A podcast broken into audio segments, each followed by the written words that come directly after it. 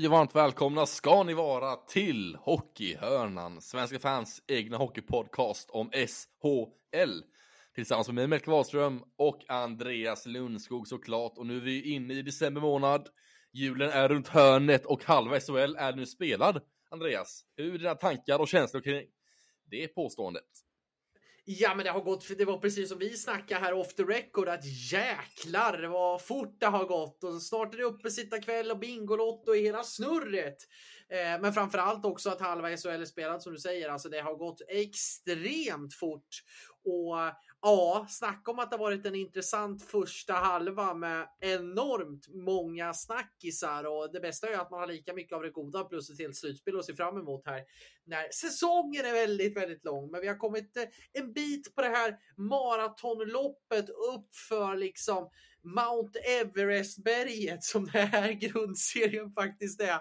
Så att, eh, nej, eh, riktigt kul att få sammanfatta det här eh, första halvan här i programmet idag. Mm, exakt, det blir en en halvtidssummering idag som sagt för att eh, få lite ja, brief även er lyssnare helt enkelt på vad som hänt under första halvan av SHL-säsongen helt enkelt och hur lagen ligger i tabellen och lite så poängligan och målvaktsligan och allt vad det innebär helt enkelt. Och Andreas, och vi börjar då direkt då med tabellettan. Vi börjar uppifrån och går neråt gör vi i tabellen då och tabellettan just nu är Växjö Lakers då som är i tabellen och är just nu halva serien spelade SHLs bästa lag än så länge Andreas. Hur går dina tankar kring Växjös halva säsongen så länge. Nej men alltså strålande. Jäklar alltså. Det här, är, det här tycker jag är alltså den största positiva överraskningen. Jag, jag hade lite fundersam, eh, funderingar kring, kring hur Växjö skulle ta sig an efter liksom att Sam Allam lämnade. Jag tyckte truppbygget såg Kanske lite förutom en jättefin backsida. Men jag hade lite frågetecken kring målvaktssidan och, och eh, även forwardsarna hur, hur de skulle komma igång och lite sånt där. Men jag tycker Växjö har levererat så enormt och jag skulle säga att Växjö är så enormt stabila. Alltså det, det, man vet alltid vad man har dem det, och, och, det är det absolut mest stabila laget i hela ligan just nu. Och det är ju, man är ju etta så att det är ju solklart liksom. Så att jag är enormt imponerad av det här laget och framförallt är man ju imponerad av av, eh, ja, deras finländare. Vi, eh, vi kan ju dra ett litet roligt ljudklipp på, på just hans namn också.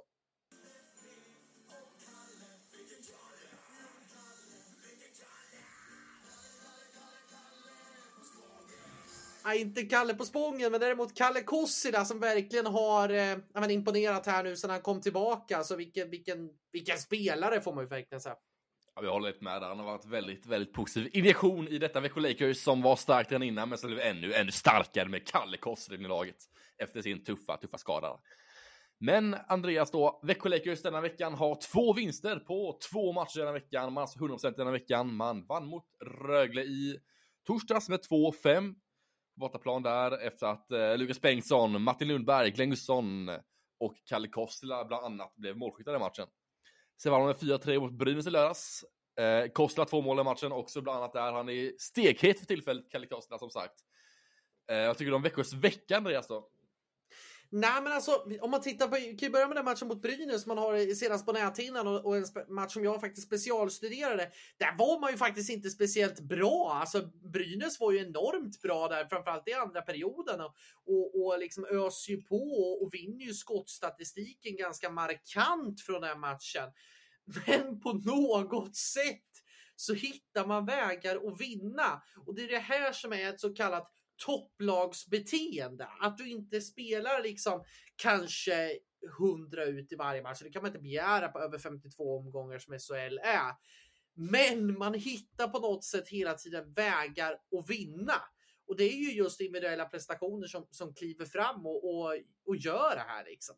Så det är ju det, man, man, det, är det jag tycker kännetecknar Växjö.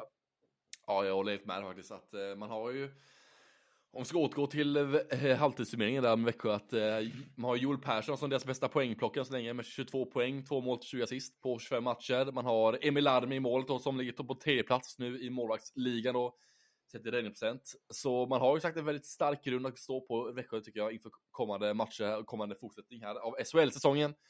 Eh, och Växjö har ju maximerat Växjö halva säsongen säger med att de har en otroligt stark backsida. Målsidan imponerar stort och forwardsidan finns lite mer att ta av kan jag tycka lite ibland så. Ja men verkligen. Eh, alltså, forwardsidan finns det ju som du säger mycket mer att ta på. Men jag tycker framförallt att målvaktssidan har varit det som har stuckit ut i mm. positiv bemärkelse. För jag verkligen. hade jättestora, eh, på, på, på, framförallt på Larmi som jag hade jättestora eh, frågetecken för inför säsongen. Men jag tycker han har varit eh, ja, men genomstabil och det, och det känns som att Växjö har hittat så, så rätt. Och jag är imponerad av man tänker ju inte så mycket av att Sam Hallam faktiskt har lämnat. För Jörgen Jönsson har tagit sig an den rollen på exakt nästan samma sätt och skapa det här stabila ja, men lagmaskinen och utvecklat det. Jag vet hur mycket Jörgen var uppskattad i, i Örebro också när han var assisterande till Niklas Eriksson för vad är det, två säsonger sedan tror jag. Eh, och liksom har byggt det här laget till en, en lagmaskin helt enkelt. Men sen Verkligen. som du säger, det finns Verkligen. mer att ta i offensiven.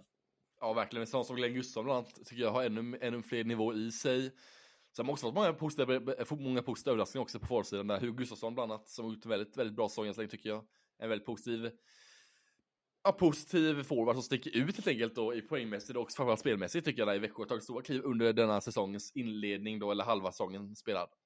Eh, och även Emil Larv tycker jag har tagit stora kliv sen han kom till Växjö under säsongens gång också. Han är ju liksom klättrat, klättrat uppåt i målvaktstabellen, eller målvaktsligan.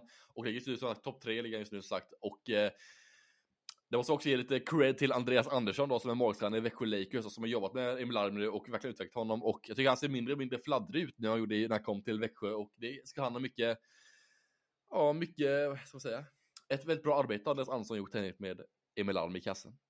Ja, och jag tycker inte heller man står och faller med någon av målvakterna. För Adam Åhman har ju också varit ja. riktigt, riktigt bra. Liksom. Han har en räddningsprocent på, på 92. Det är faktiskt väldigt bra. Har liksom åtta vinster, tre förluster om man tittar. Eh, Larmi ligger ju också på någonstans över 92, 92,4 i räddningsprocent. Eh, mm. Alltså, man står inte och faller utan man också kan alternera de här eh, målvakterna. Det tycker jag är jättehäftigt att man har, att man har fått till en sån bra kombination. Liksom. Eh, och inte den här kanske osäkerheten som Brynäs hade på sin målvaktssida, utan här har man så att båda kan vara med, med och utmana, men Delarmi kanske är lite mer uttalad etta. Ja, verkligen. Jag håller helt med faktiskt. Eh, och eh, så blir intressant att följa Växjö framöver tycker jag och se liksom hur de kan hålla i denna härliga trend som de är uppe i just nu och eh, de är väldigt stabilt lag så jag har svårt att säga att de inte ska kunna hålla i den här eh, tempot och hålla i den här takten helt enkelt framöver. Så, då lämnar vi alltså Växjö Lakers halvtidssummering än så länge och går vidare till nästa lag då som är tabelltvåan Skellefteå AIK.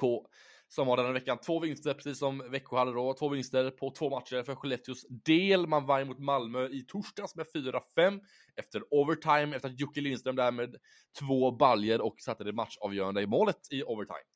Senast var mot Rögle då i lördags på bortaplan där efter en väldigt stabil och gedigen match. Men framförallt var det en väldigt stekhet Oskar Möller som klev fram där i den matchen och gjorde tre mål och stod för samtliga mål för Skellefteå i matchen helt enkelt. Oskar Möller har haft sin bästa säsong karriären än så länge tycker jag. Framförallt hans bästa inledning på karriären än så länge. Han har verkligen hittat nätet flera gånger om, om man säger så, och ligger också just nu på en fjärde plats i eh, poängligan i hela SHL. Eh, med sina 23 mål, eller 23 eh, poäng, 15 mål, 8 assist på 22 matcher. Så han sitter alltså mer än en poäng per match och spelar också nästan 18 minuter per match också. Så, Oskar Möller är ju spelaren som verkligen ut den här, den här säsongen för eh, Skellefteå AIK. Ja men verkligen. Alltså jäklar vilken nivå han håller alltså. Jäklar, det är, det är helt otroligt alltså vilken nivå snubben håller. Alltså på det, på det sättet han spelar liksom. 23 poäng på 22 matcher och, och plus 12 i eh, plus minus kategorierna.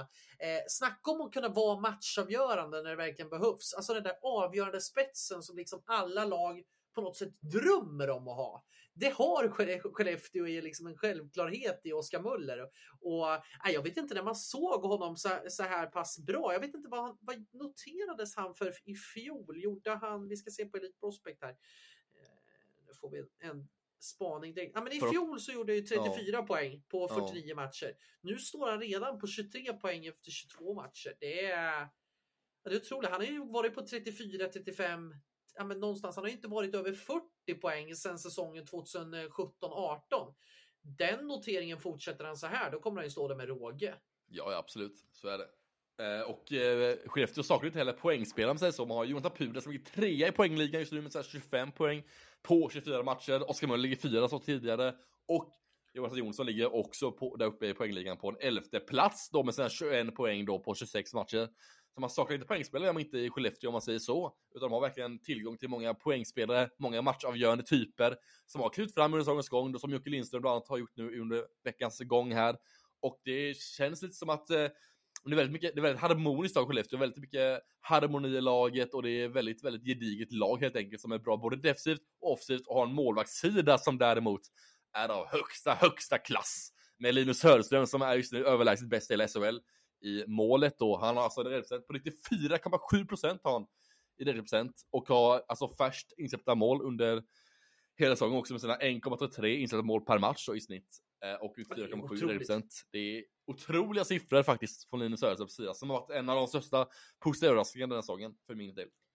Ja men verkligen, alltså vilken, vilken otrolig utveckling han har haft och efter de där tunga skadorna och den turbulenserna som han har haft tidigare. Han fick väl vända hem till, han fick väl vända till Finland. Ja exakt, liksom få, på Finland ja. Exakt, och få, få liksom en nytändning efter några misslyckade år borta i Nordamerika. Alltså vilken, vilken nivå han håller och med vilken stabilitet. Och han kan ju verkligen vara liksom en sån här matchavgörande målis. Det pratar man också om att målvakter vinner matcher till sitt lag. Eh, vi har sett det tidigare, Jonas Enroth i Örebro med mera. Eh, alltså, han är ju genomstabil. Och, och snacka om att det här har varit viktigt, för Lindvall har ju samtidigt inte övertygat i, mm. Eh, i Skellefteås mål med en procent på 88 där. Så att alltså Söderström, och jag tycker man måste ge jag tycker faktiskt det är dags att ge Söderström att vara den självklara ettan just nu. Ja, just nu håller jag med. han som är bäst. Ja. Så är det verkligen. Och man tycker man ändå börjar se tendens på att de även tänker samma sak i, i deras ledning också där i deras tränarsida som tänker likadant som det Andreas där vad de märkt på senaste matcherna eh, kan man tycka. Mm. Eh, Men här och, måste vi eh, också apropå målvakts, målvaktstränare Christer Holm. Vilket mm. superjobb han gör uppe i Skellefteå. Alltså, när hade jag satt och funderade senast? När hade Skellefteå en svag målvaktsuppsättning?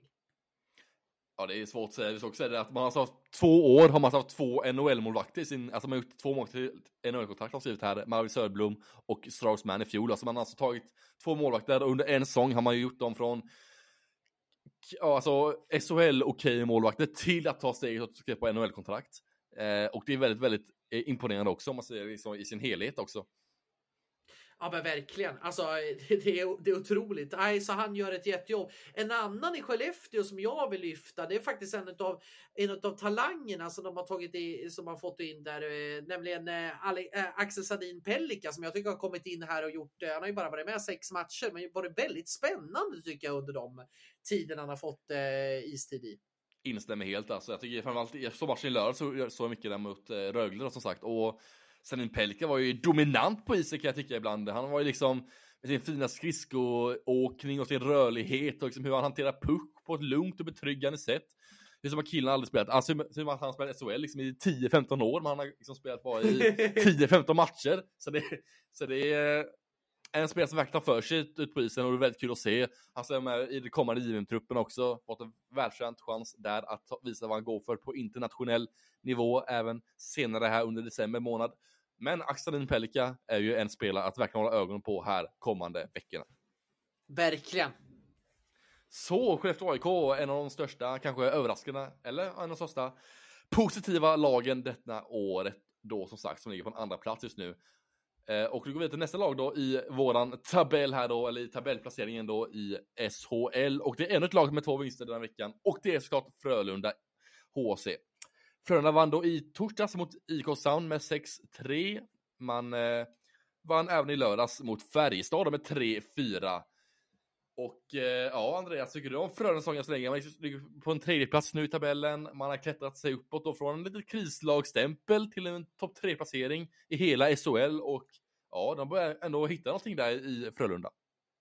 Ja, men alltså om man backar, om man tittar på september, oktober, då tänkte man bara, vad, vad, vad är det som händer liksom? Och, och det var nästan så här uppgivet från Frölunda supporten att vi vill inte titta på det här. Det här är jättejobbigt. Det är liksom, ja, men det var som att eh, det var, det var för att dra en låttitel. Känn ingen sorg i Göteborg. Det var, det var liksom det var jättekonstigt att se Frölunda för det är också ett varannandagslag som man inte visste var de är. Men de här senaste, sen egentligen landslagsuppehållet här nu, så har man hittat någonting. Man har hittat en stabilitet.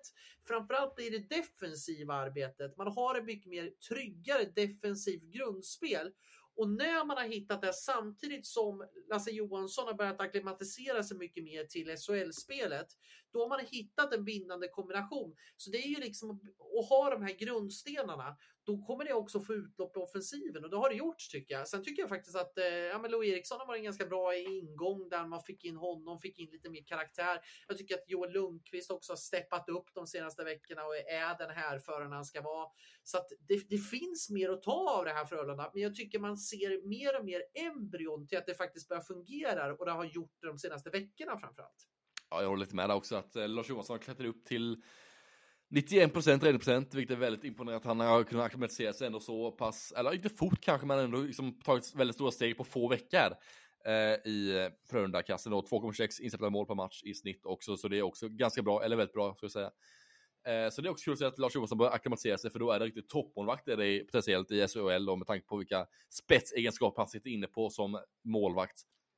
Sedan har man ju också fått in Andreas Borg med skada. Han har kommit in med väldigt positiv injektion in på Louis Eriksson tidigare också. Att han, även han har kommit in med väldigt, väldigt bra intention i Frölunda och verkligen agerat eh, på ett bra sätt och gjort det väldigt bra under matcherna här tycker jag. Eh, och kommit in på ett helt, han har kanske satt ett annat kravställande på laget också kan man tycka eh, utifrån. Och eh, Louis Eriksson har verkligen imponerat mig tycker jag, med hans liksom, kraftfullhet, sin stil där som han bidrar med på isen. Verkligen. Sen tycker jag att det finns mer att ta av det här laget. Alltså Ryan Lash har gjort 15 poäng på 24 matcher. Det tycker jag är knappt godkänt om jag ska vara ärlig.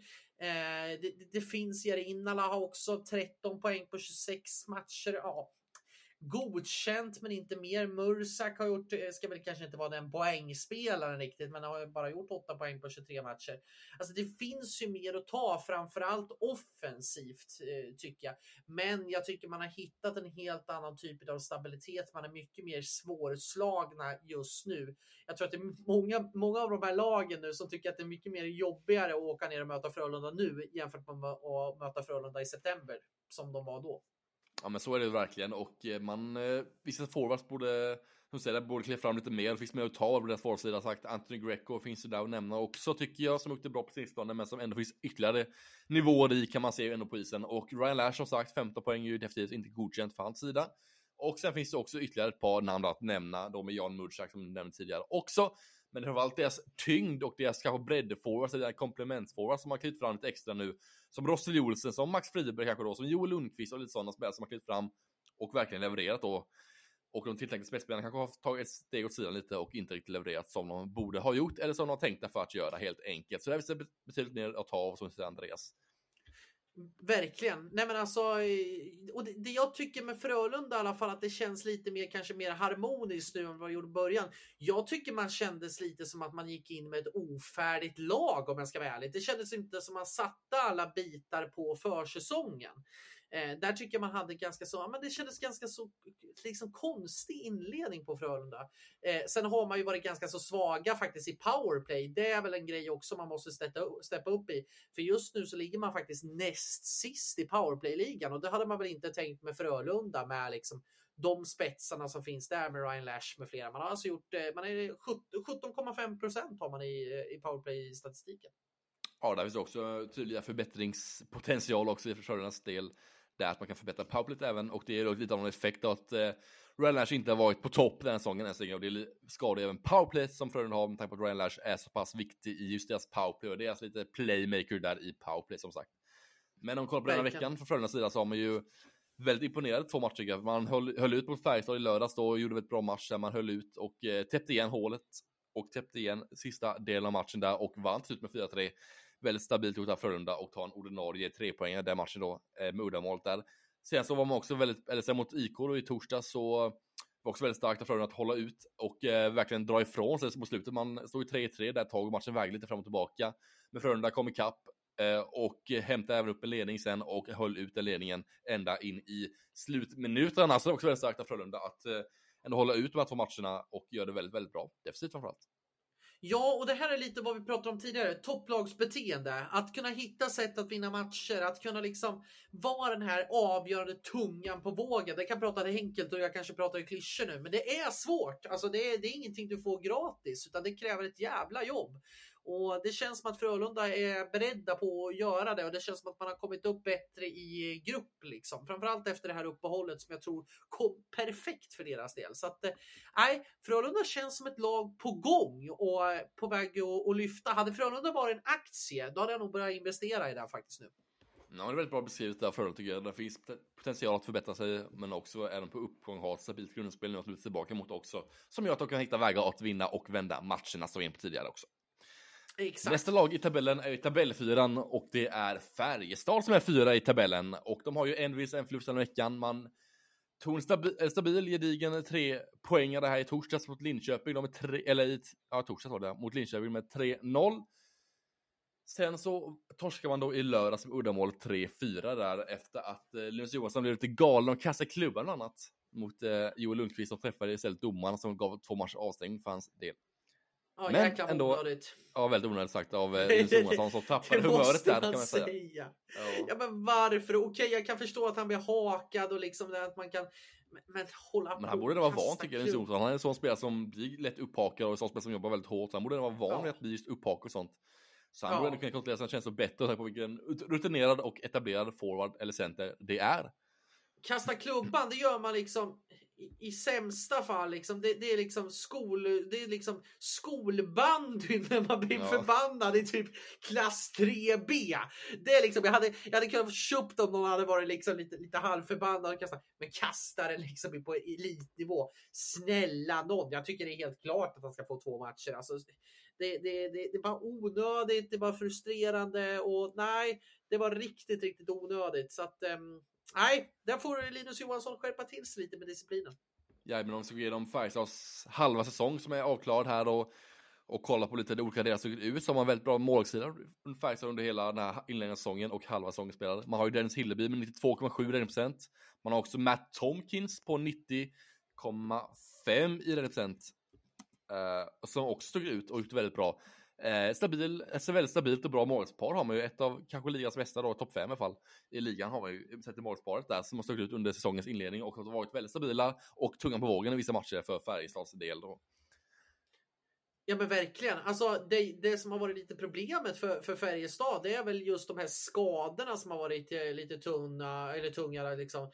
Theodor Lennström har varit, har varit borta nu senaste tiden och sen så hade man ju enormt många skador under inledningen av säsongen också. Man hade väl några matcher där man hade fem, sex stycken på frånvaro-listan med Viksten bland annat som har dragit sig med lite skador. Men det känns ändå som att det finns en bredd i det här laget. Jag tycker det finns ett grundspel som sitter väldigt bra. Jag tycker man är, man, man är ett stabilt topplag och jag tror man kommer att vara det under hela säsongen. Sen gäller det att få fram den här avgörande spetsen.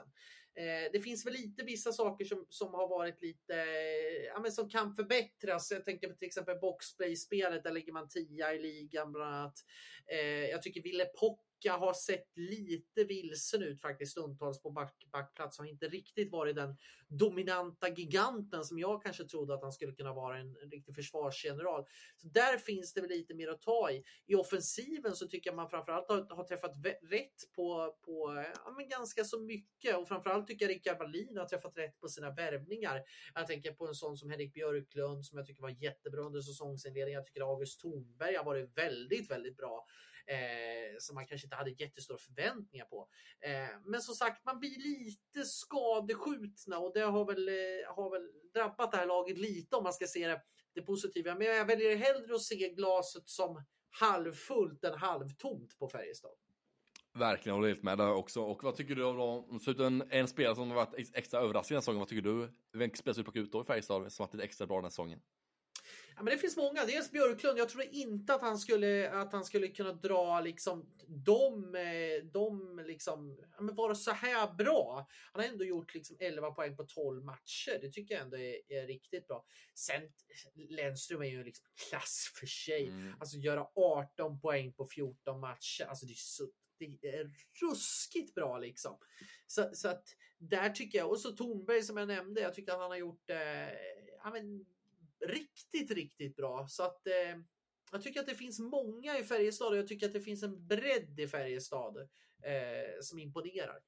Finns det någon mer spel tycker du ska förvänta sig mer utav eller någon spel som borde ta extra kliv här under sista halvan av säsongen här? Tycker du det finns någon, något mer att ta av, av någon spelare i Färjestad helt enkelt?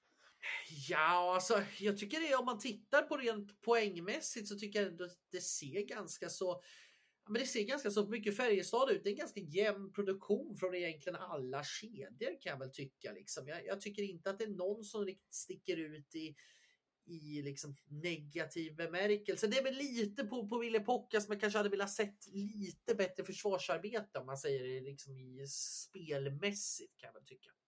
Håller helt med också. Tycker August Thornberg har varit en sångens överraskning just nu i Färjestad och jag tycker att Ville Pocka är en spelare man borde plocka ut. Eller man mm. borde helt enkelt förvänta sig lite mer av och så man kan kräva lite mer av den sista halvan av säsongen här.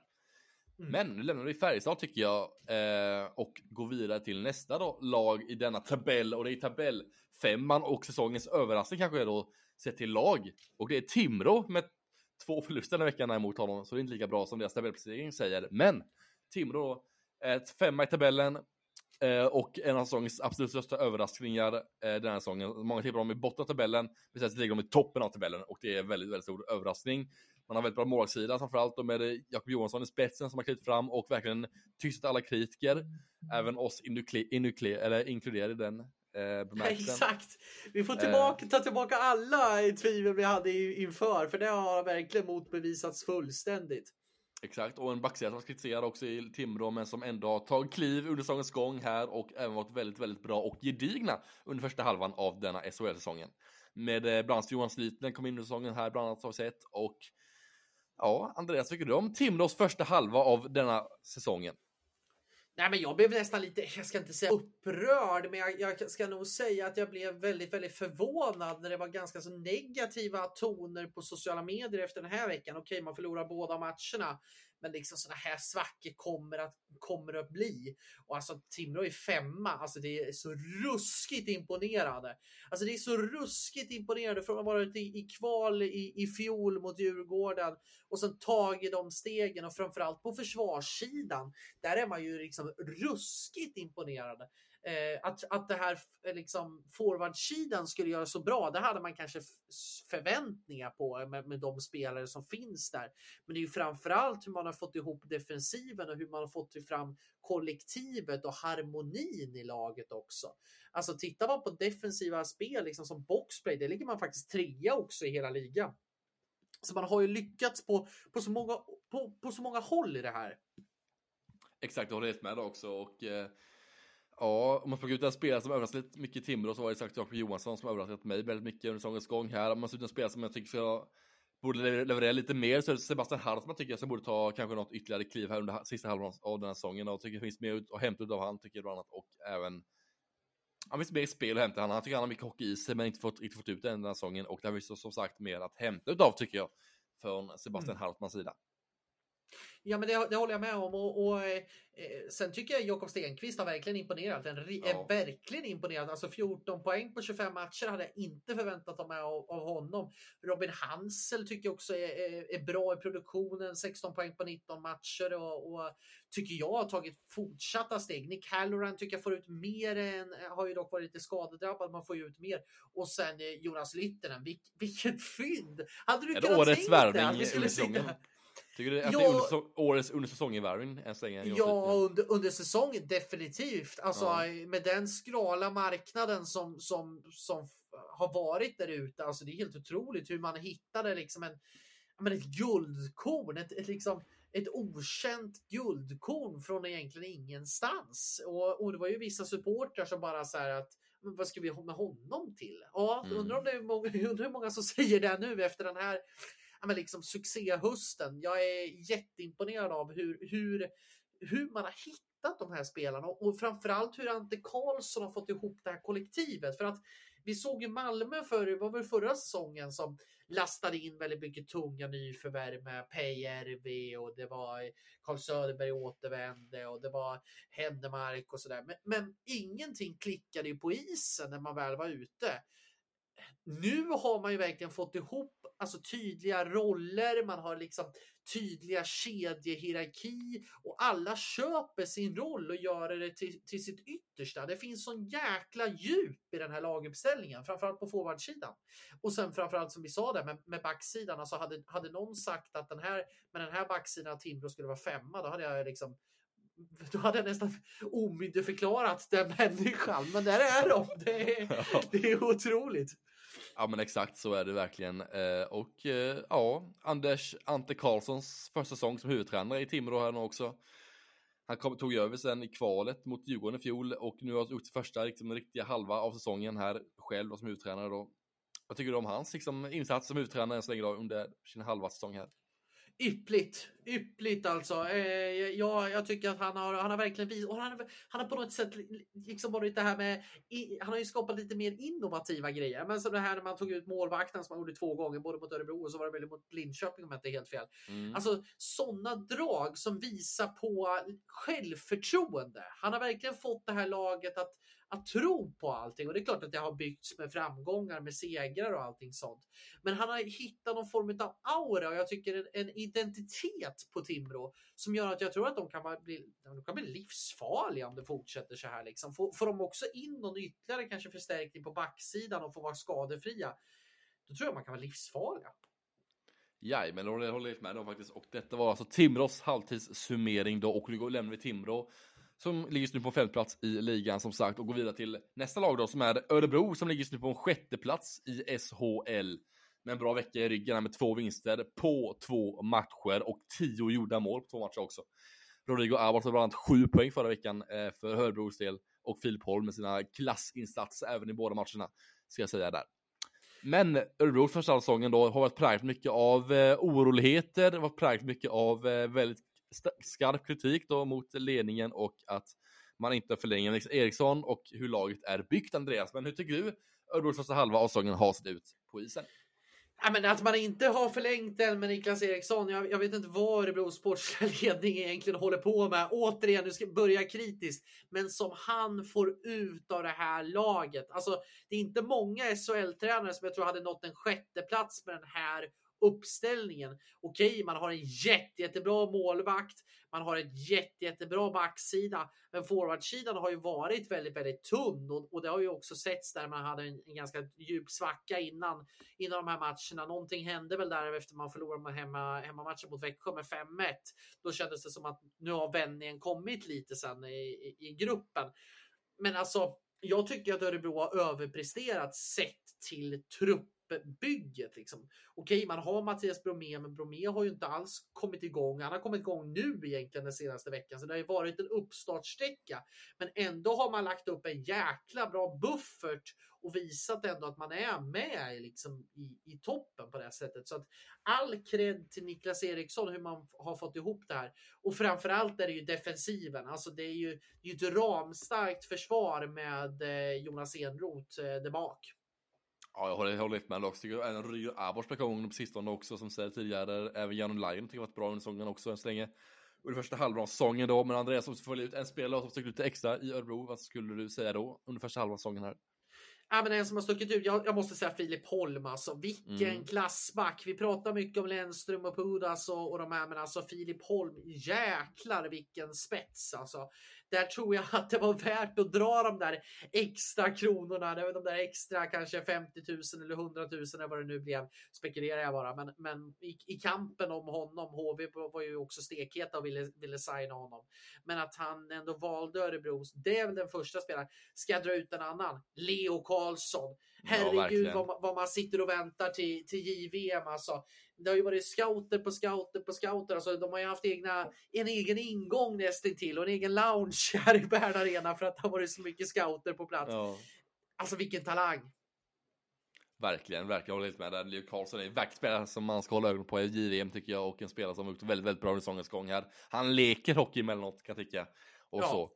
Men för att återgå till Filipholm, så ligger Filipholm just nu på en sjätte plats i poängligan hela SHL med 22 poäng på 25 matcher också. Och är just nu bäst i hela Örebro sett till poängmakeriet då. Och eh, som säger Örebro har, jag får, om jag får lyfta in en annan spelare som inte du har sagt då, som årets överraskning, skulle jag ändå säga William Wikman i Örebro har ju varit en spelare som verkligen kommit in med en positiv injektion i detta lag då, sen han kom från Västerås inför säsongen. Han har haft väldigt fin första halva av säsongen då och bidragit med mycket energi och mycket fart och mycket härligt. Ja, men det är alltså ett riktigt rivjärn. Ett Verkligen. fullständigt rivjärn som liksom ba bara kör. Han, han, han struntar att det är SHL. Han bara kör liksom. Och har varit så hela tiden. Det har inte varit någon form av akklimatiseringsperiod för honom, utan han har verkligen bara, bara, bara gått på intuitioner och är ju ja, men fantastisk på så sätt att han, han, han gör inte en dålig match. Det är väldigt, väldigt, väldigt man tänker att William Wikman inte var liksom på, eh, på, i sitt rätta S. Eh, enormt eh, fynd som Örebro sportsliga ledning faktiskt har gjort där. Verkligen håller helt med där också tycker jag. Och nu lämnar vi alltså tabellsexan Örebro och beger oss längre ner i tabellen mot en sjunde plats är vi inne på nu Andreas. Halva tabellen är snart avklar här i vår halvtidssummering av SHL-säsongen 22-23. Leksand är Mm. näst ut eftersom de ligger på sjunde plats då med sina 38 poäng på 25 matcher i SHL än så länge. Och denna veckan har de haft en bra vecka med två vinster på två matcher och endast två insläppta mål. Och man har ju mångt en Mats Armalis kassa som kommit in som en väldigt positiv injektion i detta lag då inför säsongen då. Har en räddningsprocent på 93% har han i räddningsprocent och är en av SHLs absolut bästa målvakter denna säsongen än så länge. Andreas, tycker du om eh, Leksands första halva av SHL-säsongen? Ja, alltså ett lag jag inte vet vad jag har dem. Det tycker jag nog är bästa sammanfattning kring, kring Leksand. För jag tycker att stundtals så spelar man väldigt, väldigt bra. Stundtals så man har ju liksom en, en fantastisk forwardsida. Så stundtals spelar man ju väldigt, väldigt bra. Men så kommer man ner i djupa svackor där man inte riktigt vet vad man har dem. Och sen har man ju ett powerplay som är liksom, jag vet inte vad man ska säga. Det, det är liksom, det är ett powerplay köpt på Wish på liksom 12 procent som, är liksom, som inte fungerar. Jag, jag, och jag förstår inte, jag, jag begriper inte på. Jag vill bara slita mitt huvud och bara så här, se ut som Einstein i håret. För jag ser inte, jag- alltså med den forwardsidan, man ska ju kunna leverera i powerplay. Verkligen, man har liksom namn som Carter Camper, man har Mark Rivik, man har liksom ja, Oskar Lang och man har Justin Klus och man har spelare för spelare för spelare som faktiskt har kunnat ta kliv och kunna leverera på powerplay. Har du varit på hemplan så har powerplay varit väldigt dåligt på hemplan. Man har ju liksom inte gjort en enda mål knappt där i hemma powerplay. Det har varit väldigt, väldigt eh, chockerande sett till första halvan av säsongen här. Det är något som stuckit ut verkligen att man haft problem med powerplay och framförallt på powerplay på hemplan då också. Som varit är deras stora akilleshäl här under första halvan av säsongen då som sagt. Mm. Vad tycker du om eh, Leksands defensiv som man inte pratat så mycket om? Det är mycket snack om offensiv och eh, brister i powerplay. Och vad tycker du om Leksands defensiv då med Anton Lindholm kanske i spetsen där? Ja men absolut en av eh, seriens bästa backar, det måste man säga. En av seriens absolut bästa tvåvägsbackar. Där, där tycker jag man har varit ruskigt, ruskigt bra liksom.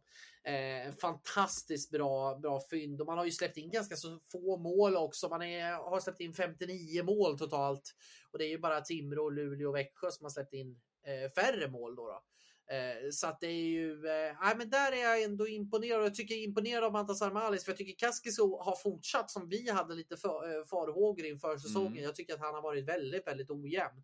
Eh, och jag tycker att eh, Armalis är den givna ettan. Det, så är det ju bara. Och så har det varit. Han har ju startat 18 matcher. Eh, Kaskiso har ju bara spelat 8 så det är ju, det är ju, det är ju den givna ettan. Verkligen hållit med. Mansa alltså Mars är ju den eh, några klasser bättre om man säger så. I sett till trygghet och stabilitet jämfört med Casimir Kaskisu. Som kan göra någon indianare lite här och var. Men om vi ska kolla vem som är bäst poängplockare i Leksand får vi gå ner lite i poängligan då. Till den 21 plats. Där har vi hittar vi Carter Camper. Som är Leksands bästa poängplockare och som ligger strax på en 21 plats i poängligan. Sen har 18 poäng och 10 gjorda mål på 25 matcher. Eh, vad tycker du just om det där att de har liksom ingen spelare som är topp top 20 i hela SHL? Lite chockerande med tanke på vilken foresida man har i Leksand. Ett första Ja. halvsäsongen. Ja, men det är, jätte, det är jättemärkligt. Eh, Sen ska man ju dock säga att Rivik kom ju in lite senare, så han har ju bara spelat 15 matcher och har bara, har då bara gjort 12 poäng. Liksom. Bara 12 poäng ska vi, ska vi inte säga. Men, men alltså, eh, och sen är det likadant med Quenville har ju bara spelat 18 matcher. Eh, Justin Clues har bara spelat 16, så man har haft lite bortfall på, på de fallen. Liksom. Eh, men det är klart att det är lite huvudbry där, att man kanske inte riktigt har fått igång den offensiven på det sättet som man trodde kanske att Leksand skulle nå. Det är väl lite mer, alltså jag sitter och tittar på målligan nu och där har man bara gjort 65 mål och det är ju bara Luleå, Rögle och Linköping som har gjort färre.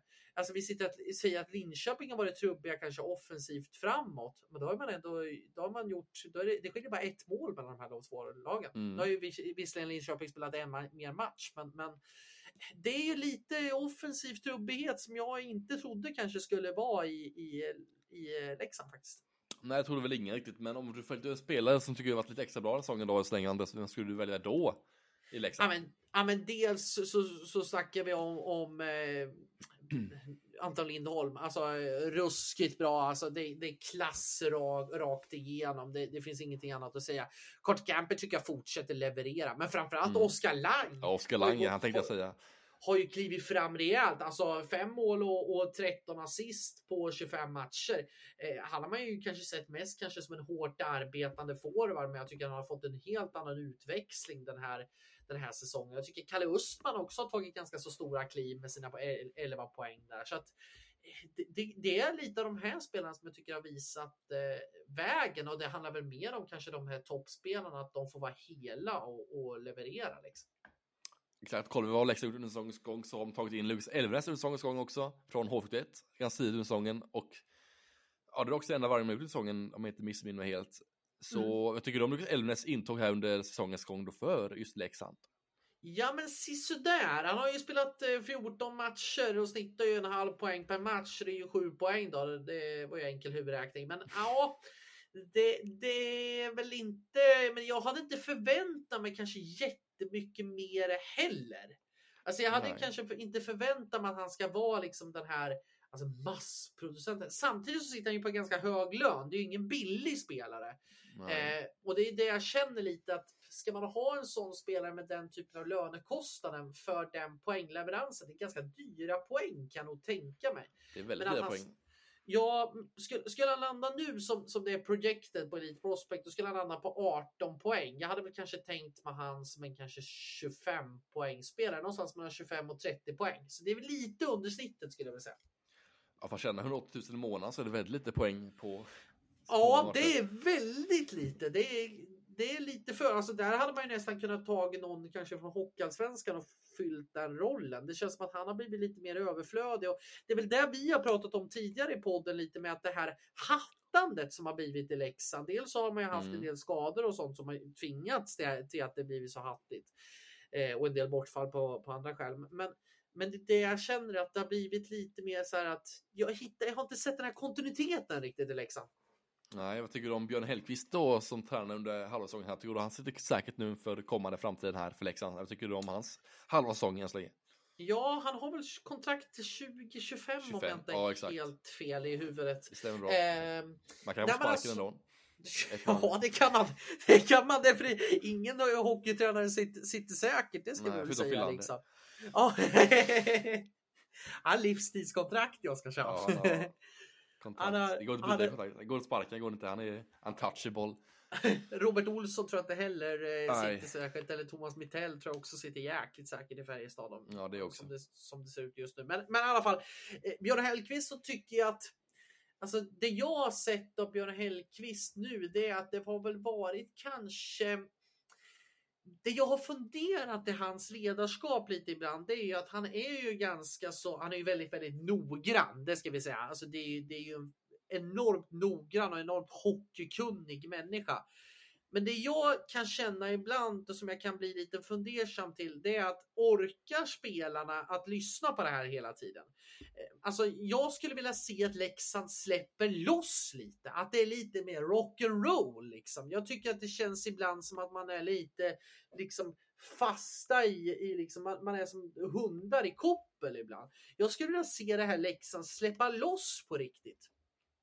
Ja, jag håller helt med faktiskt i den analysen kring Björn Hellkvists säsong då och eh, det var alltså Lynch, eller Linköping, alltså Leksands halvtidssummering då för denna SHL-säsongen och går till nästa lag då i tabellen som hittar vi i Östergötland och gör vi på åttonde plats har vi alltså Linköpings HC på den placeringen med 36 poäng på 26 matcher och 2 poäng bakom Leksand med en match mer spelad också i tabellen.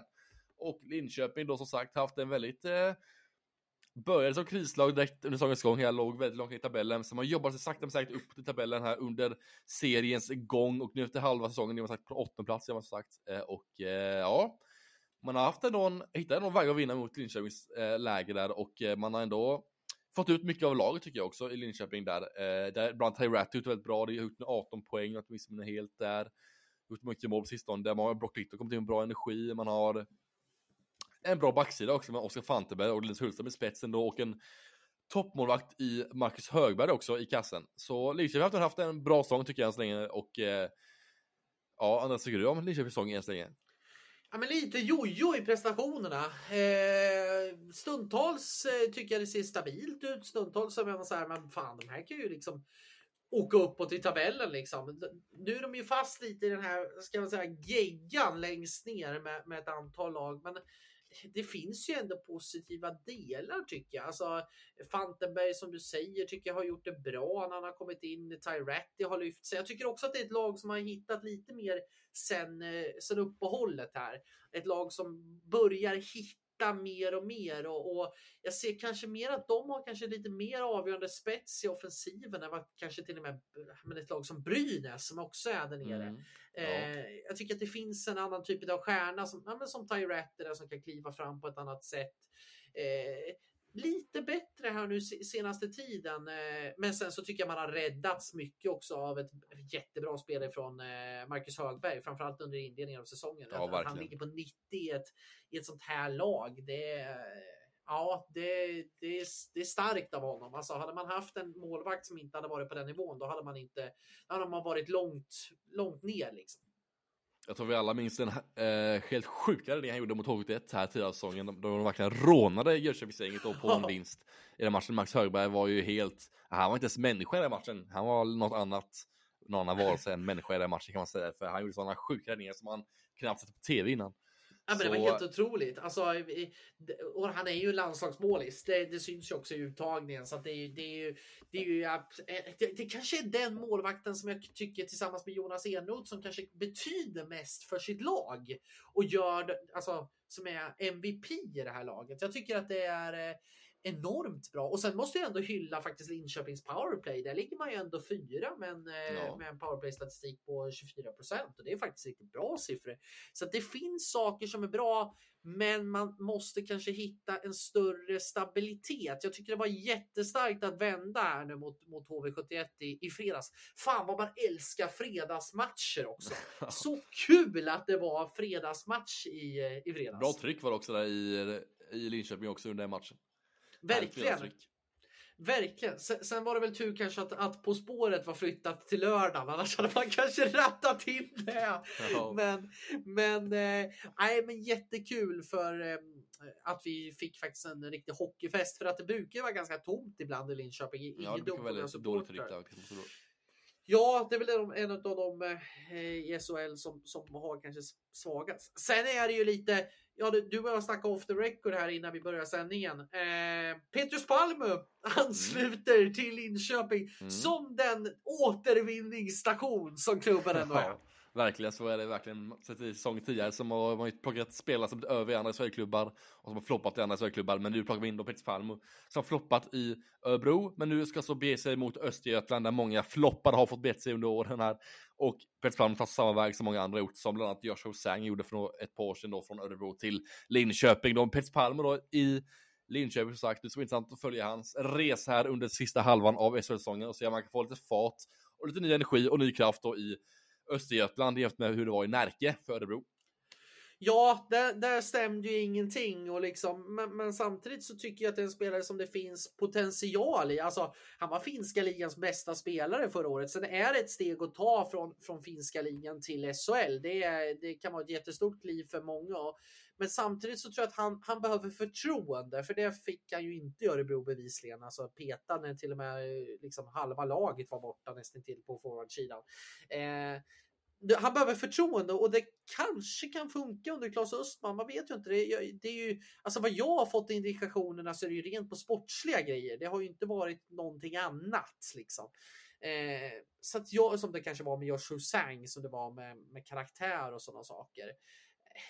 Ja, men det kanske kan funka. Jag vet inte. Det, det, samtidigt så är det svårt att få igång någon som har kommit som skadat gods. Det är inte jätteenkelt. Det har vi sett tidigare eh, när spelarna har bytt klubb sådär. Men, men ju, bara för att man är dålig i en klubb så utesluter inte det att man kan, faktiskt kan göra det ganska bra om man har en grundkapacitet, vilket jag tycker att Petrus Palme har.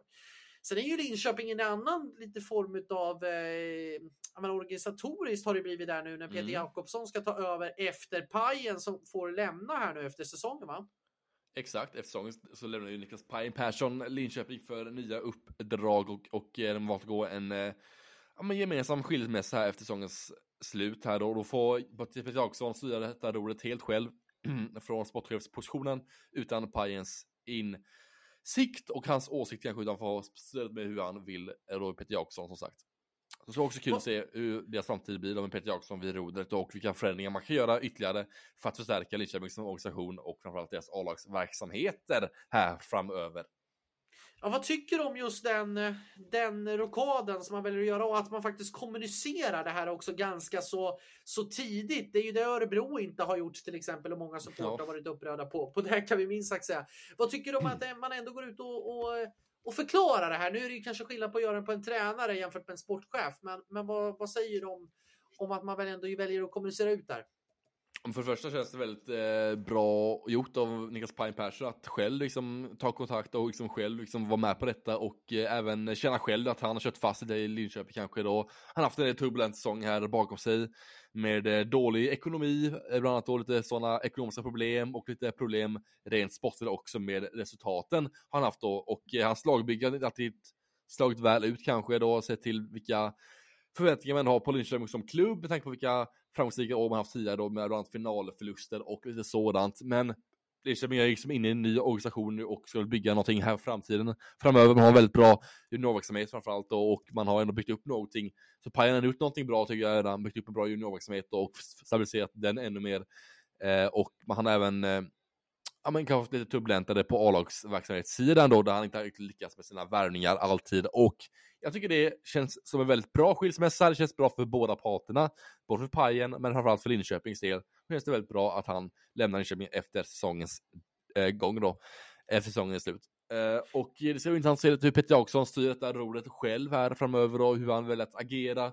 Om plocka in någon ytterligare liksom, bit i detta, den ledarstab, kanske plocka in en ny eh, analytiker kanske för att eh, analysera eh, liksom, Linköpings spel lite mer och få fram lite underliggande statistik på ett bättre sätt. Och man, det var väldigt framgångsrikt från många andra föreningar som bland annat Färjestad som tog in Erik Wilderoth här i fjol som analytiker och ställde till SM-guld plötsligt. Och även någonting sånt tycker jag Linköping kan även gå en sån väg också framöver här att ta in någon ytterligare liksom, kapacitet i laget, någon ytterligare liksom, kapacitet rent kunskapsmässigt då, in ledarstaben kanske då, eller på organisationsmässigt. Så det finns ändå en del alternativ att kunna lösa detta och alternativ för att kunna förstärka organisationen Linköping och även Linköping som klubb i helhet. Du, jag tog fram en liten intressant lista här på all, samtliga spelare som, som eh, Pajen har värvat eh, från andra SHL-lag under ja. säsong. Ska du få lyssna här. Niklas Hart, Jarno Kerki, Josh Husang, Anton Karlsson, David Rautio, Tyler Morley, Robert Lantosi, eh, John Nyberg, Vilmos Gallio och Petrus Palm. Ja, det finns egentligen en som har varit väldigt bra. Det är Robert Atos som var väldigt bra när han kom in till Linköping. idag. Resten tycker jag var ganska mediokra. Visst, John Nyberg kom in med stabilitet tycker jag någon i Linköpings eh, lag där ändå. En back man inte tänker så mycket på men som ändå gör ett jobb i det tysta. Utöver John Nyberg och Robert Atosi så är det inte mycket som man blir glad av under en måndagskväll, eller säger Andreas? Nej, det är inte jätte, jättemycket. Jag tror att det kan bli ett bra miljöombyte också. Jag, jag skulle nog vilja se honom med kanske lite större jag vet inte om man ska ha större budget eller man, kanske mer som en talangutvecklare. Att kanske vara mer vara liksom ansvarig för talangutvecklingen i en klubb. Jag ser kanske inte riktigt honom som en avgörande sportchef. Det känns som att man han har inte riktigt de kontakterna kanske som har, som har gjort att de har träffat rätt till exempel borta i Nordamerika och så. Att han kanske inte har, riktigt har den spetsen som sportchef och att ja, men en talangutvecklingens roll hade varit perfekt för honom. Mm, tycker det känns lite mer som en klubbdirektör typ, eller klubbchef, mm. eller som någon ordförande i klubben. Lite mer sånt, som kommer jobba lite mer med sponsorer kanske. och jobba lite mer verba, verbalt med sin sociala kompetens som han besitter. Och har väldigt, väldigt bra socialt han och väldigt skojig och eh, härlig personligt också, den här Pajen. Så jag tror ändå han hade kunnat lyckas bra som klubbchef, som klubbdirektör eller som någonting sådant inom klubb som inte riktigt rör det sportliga så mycket utan mer runt om då med ekonomi, med lite sponsorer och företag, förhandlingar med kunder och näringsliv och vad det nu innebär av att vara en sådan högt uppsatt person. Det tror jag också. Alltså det, det, det, tror jag också hade varit en jätte... För att det måste vi säga, alltså som person, fantastisk person. Alltså en av de mest tillgängliga sportcheferna man kan snacka med. En av de mest öppna sportcheferna också. Och en av de absolut mest, mest trevliga sportcheferna och roliga sportcheferna när man ringer. Jag har ju haft mycket kontakt med honom till exempel på deadline day och sådär när det var ganska stressat och sådär. Men väldigt avslappnad, cool, bra intervjuerna på så sätt. Så att eh, mm. skulle också kunna tänka mig det. Någon typ av försäljningsansvar eller liksom sponsoransvar eller någonting sånt skulle jag kunna tänka honom i, i den rollen. Jajamän, och nu nämnde alltså Linköping och Pajen och allt vad det nu innebär med Linköpings del. Och går vidare till nästa lag i denna tabell som är alltså Luleå som ligger på nionde plats med en vinst och en förlust denna veckan. Bland annat om man torskade mot Leksand i torsdags med 1-3. Vann stabilt mot Malmö i lördags med 4-0. Och vad tycker du om Luleås halva SHL-säsong än så länge, Andreas? Ja, det har ju varit upprört eh, i Luleålägret, det kan man väl lugnt sagt säga. De hade ju även en banderoll här ute från supporterhåll att det här var, vad var det det stod? Att det inte var en skugga av eh, våra framgångsrika dagar, någonting sånt. Ja, Eller någonting exakt. Sånt. Och, men någonting och, dessutom, och dessutom buade man ut eh, Stefan Skugga Nilsson vid Janne Sandströms, äh, inte, inte samtliga i hela publiken ska vi säga, utan det var väl en, en fåtal, men det hördes i alla fall. Alltså Luleå, kom igen! Kom igen Luleå supportrar, nu får ni faktiskt ge er. Det här är, det här är ett nytt eh, lågvattenmärke och jag vet att det är många som har gått ut och fördömt det här också. Det är helt rätt att man ska göra, men, men man måste ju på något sätt. Okej, okay, det har inte gått som, som man har tänkt. Det är en liten baksmälla från eh, i fjol. Det, det, är så liksom. Det är inte alltid lätt att, att ladda om när du precis har förlorat guld, liksom varit ett, varit ett friläge från att liksom ta guld som, som Pontus Andreasson hade där i sjunde matchen. Så snälla någon, ta, ta er samman på något sätt måste man nästan ja. säga. Sen är det ju det att man undervärderade ju marknaden. Det, det är ju så från, från den sportsliga ledningen. Man, jag tror man tänkte att, att eh, fler spelare, framförallt spel, fler spetsspelare skulle vara tillgängliga eh, senare in, in liksom på, på säsongen. För man har ju saknat pusselbitar och, och offensivt har det ju varit på tok för svagt. Liksom. Ja, jag håller med där också och eh, ja. Vad har ändå hänt i Luleå säsongens gång här? Man blev lovade spets, eh, men man har tagit in eh, Mauro Kempe, man har tagit in Tommy Sallinen eh, och ja, det var de som har tagit in säsongen här Andreas va? I Luleås mm. del. Man har skeppat iväg eh, Radek Bosek nu också ja, just det, till Örebro till Örebro ja. Eh, så det är ju, och det jag kan tänka, alltså jag tycker att det är en, det är en forwardsbesättning som är för tunn, det måste vi säga. Man har ju tagit in Leo, Leo Komarov också. Leo Leo Komarov också, han har tagit in igen. Exakt. Eh, mm. Men det är ju liksom spelare som snittar kanske på ja, men 12 poäng är man någonstans där. Komarek tycker jag inte alls har kommit upp i produktionen. Eh, 11 poäng. Brennan Kinnaman har väl, har väl lyft sig lite nu senaste tiden, men jag tycker både han och Tyrväinen tycker jag inte har tillfört någonting egentligen. Nej, han har varit lite sämre än i fjol tycker jag det verkligen. Som sagt tidigare, det har varit en stor bakfylla för Luleås del efter finalförlusten här efter gick halvvägs till SM-guldet här i våras och eh, det har varit väldigt för stor bakfylla, tänker man druckit för mycket sprit där inne känns som att och så vaknar upp dagen efter och är väldigt snurrig och man är lite förvirrad och lite så och det blir helt enkelt för mycket att hantera här den här säsongen. Det blir lite mellanmjölkssäsong för Luleås kanske, hur mycket mellanmjölk än så länge tycker jag. Mm. Och det kommer att bli så framöver också för Luleås del tycker jag.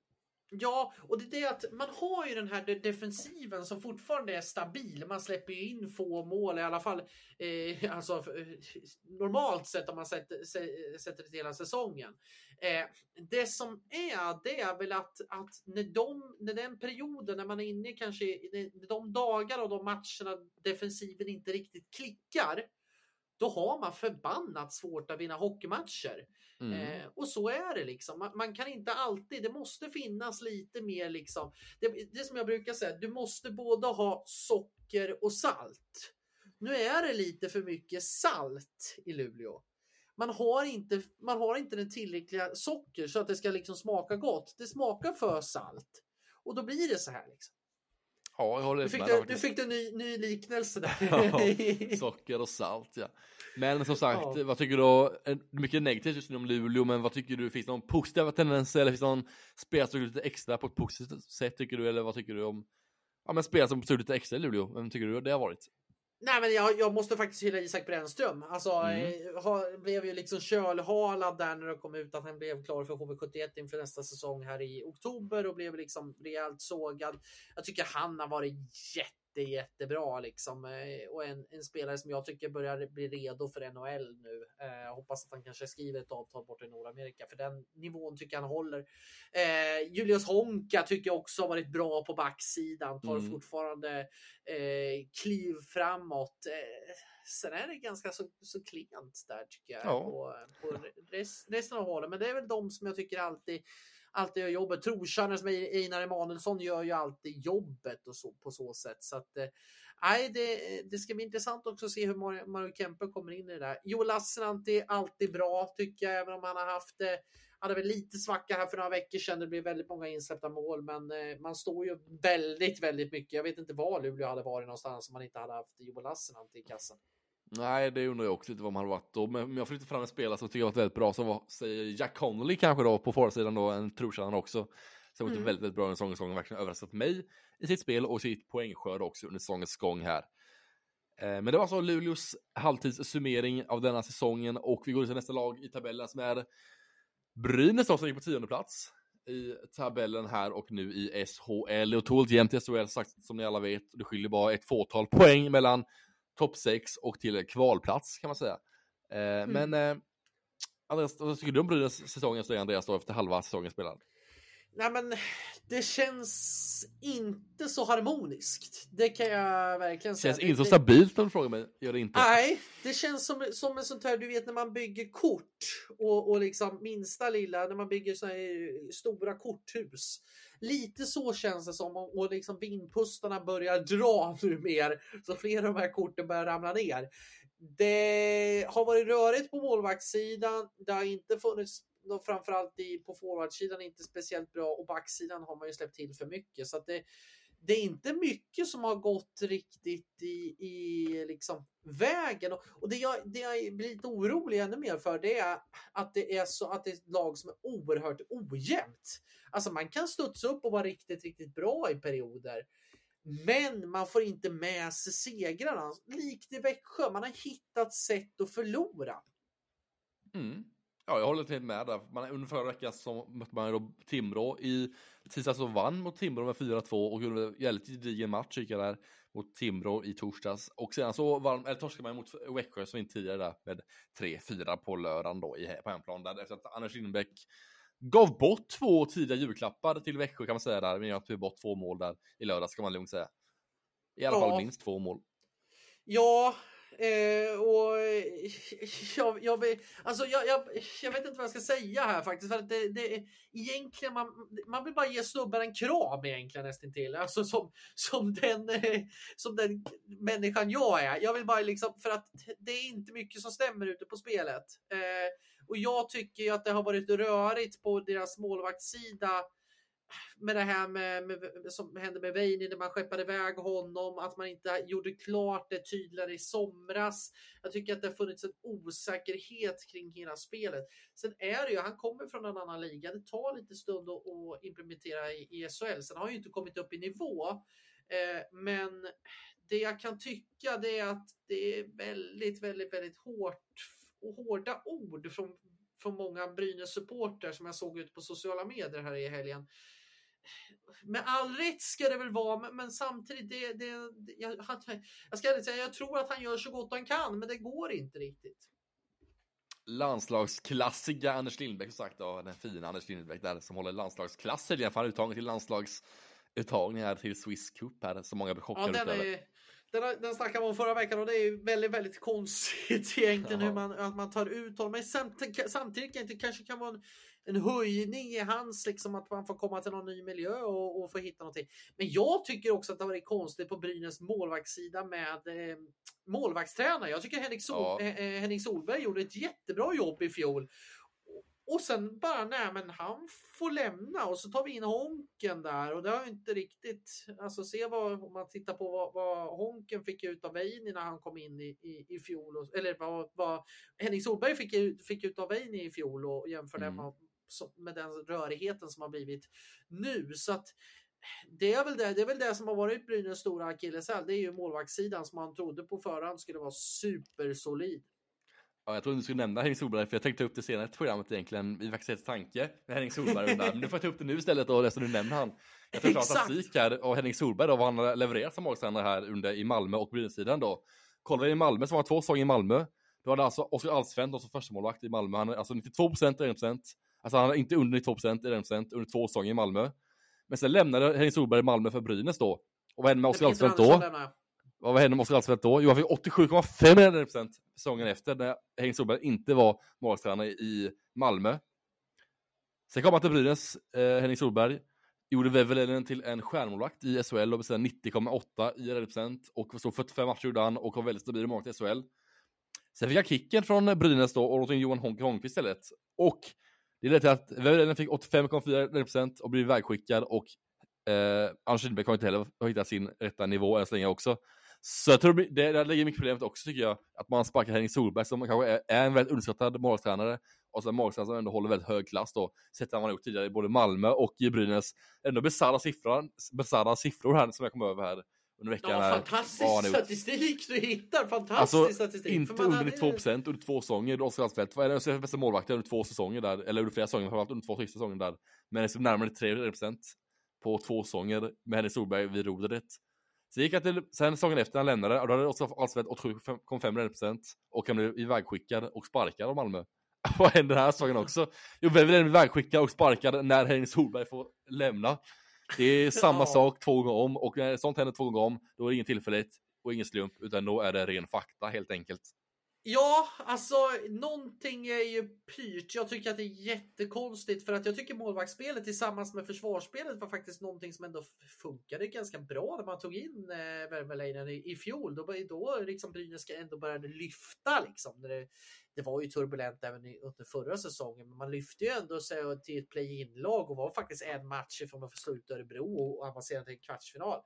Eh, det är väl det. Sen, sen, måste jag påpeka en annan detalj i Brynäs spel. Det är ju just försvarsspelet, för det har inte varit lika bra som i fjol. Alltså, det är inte lika stabilt på något sätt och då tycker jag ändå det, det skulle vara en uppgradering på backsidan när man tog in Friman. Eh, Skleniska har ju varit jättebra offensivt, men, mm men defensivt så känns det man, som att man, man leker lite mer med elden i år. Man har inte det här finska tydliga styrspelet som, som Mikko Manner satte i fjol det har man inte riktigt i år utan man, man ska på och, och krånglar till och överbet, överarbeta situationer och, och, det blir rörigt på något sätt på ett annat sätt. Jag ser inte den här riktiga tydligheten.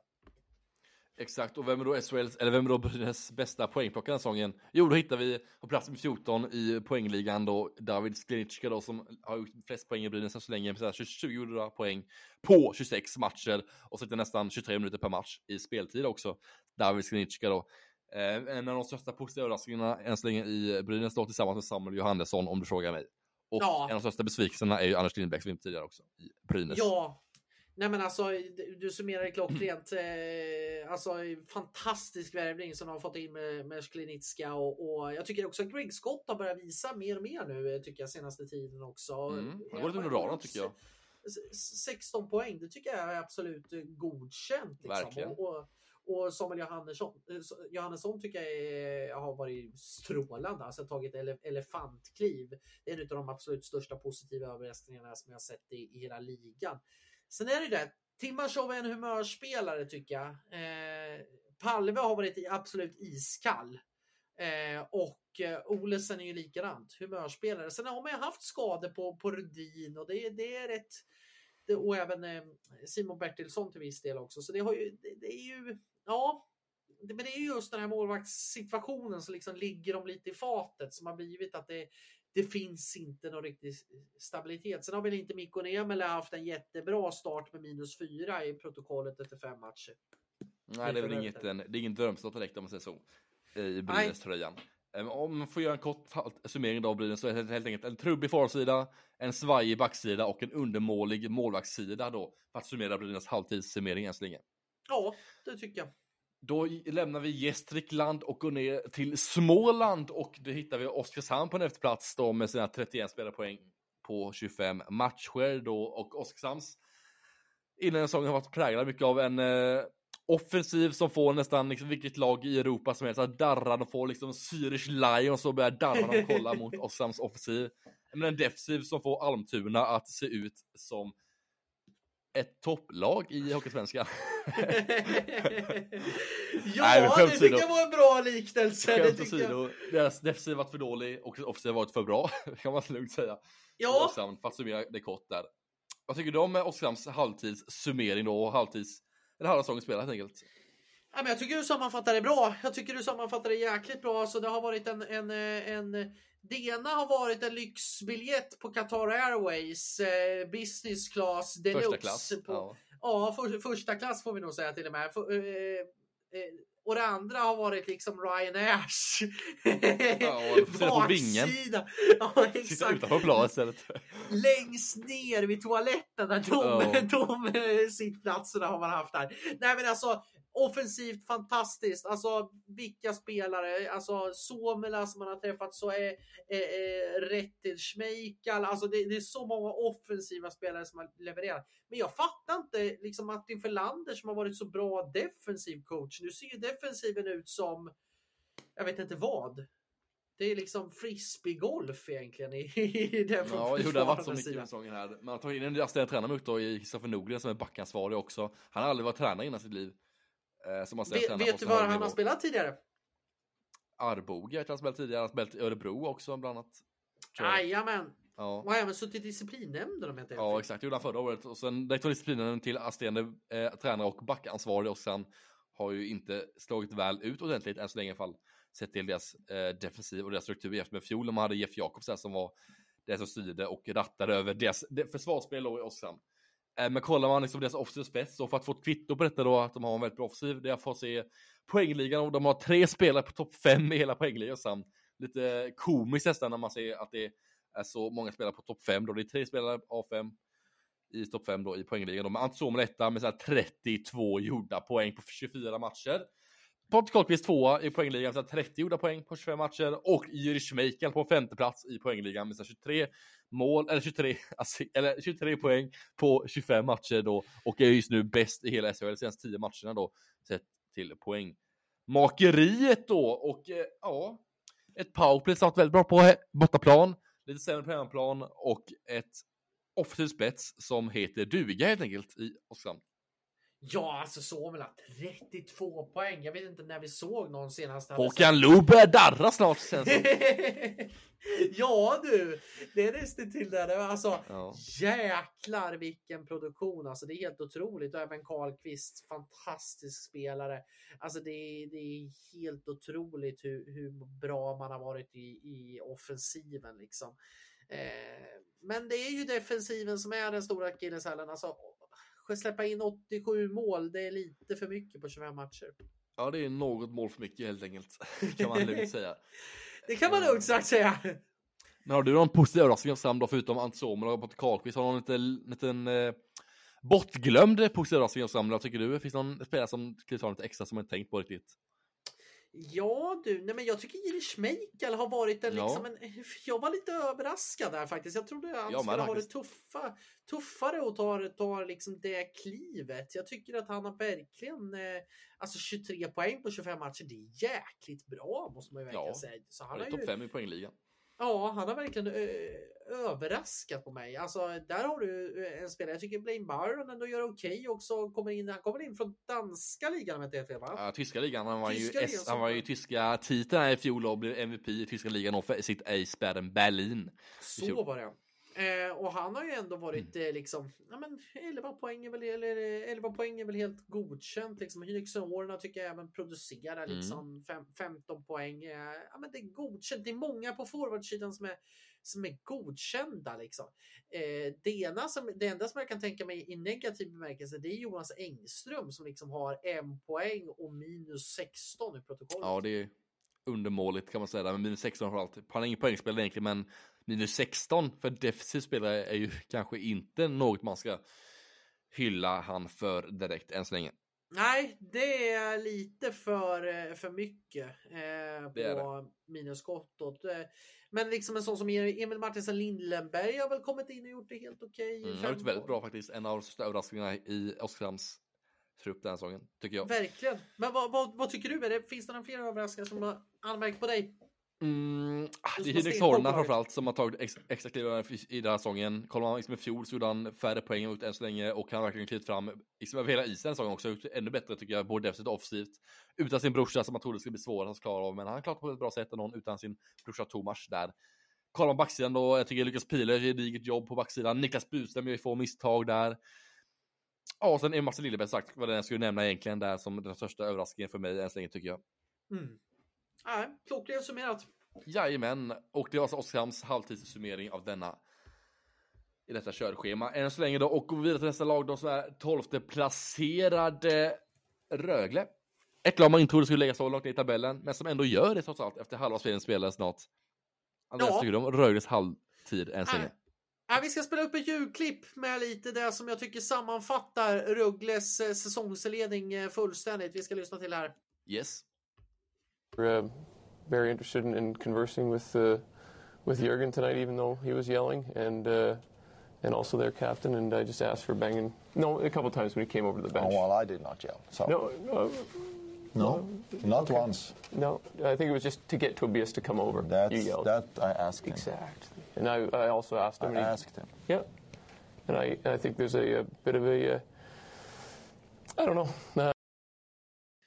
Ja, det där var ju alltså på presskonferensen efter matchen mot Växjö tidigare i veckan där, eh, ja, han anklagade alltså Jörgen Jönsson, eh, tränaren Cam Abbott anklagade Jörgen Jönsson för att ha skrikit mot domaren och sådär. Och så fick han ju själv en utvisning också, en abuse of officials.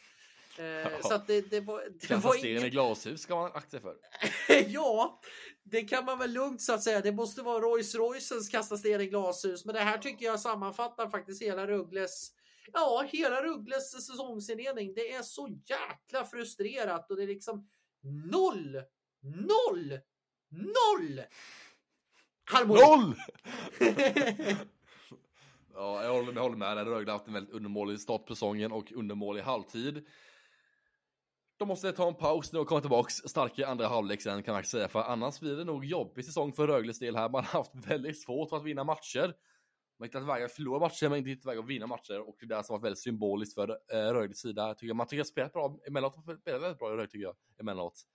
Man hittar ändå ett bra spel tycker jag ibland, men sen har man hittat vägar att förlora ändå och inte varit så tillräckligt effektiva som man borde vara, eller svenska spetsspelare inte heller pulserar så mycket som man kanske förväntade sig tidigare med Erland Temblini, Daniel Saar, Anton Bengtsson och vad de nu heter där i Rögles spets kompetenslåda som man ändå har med en del fina spelare där som tillhör den kategorin.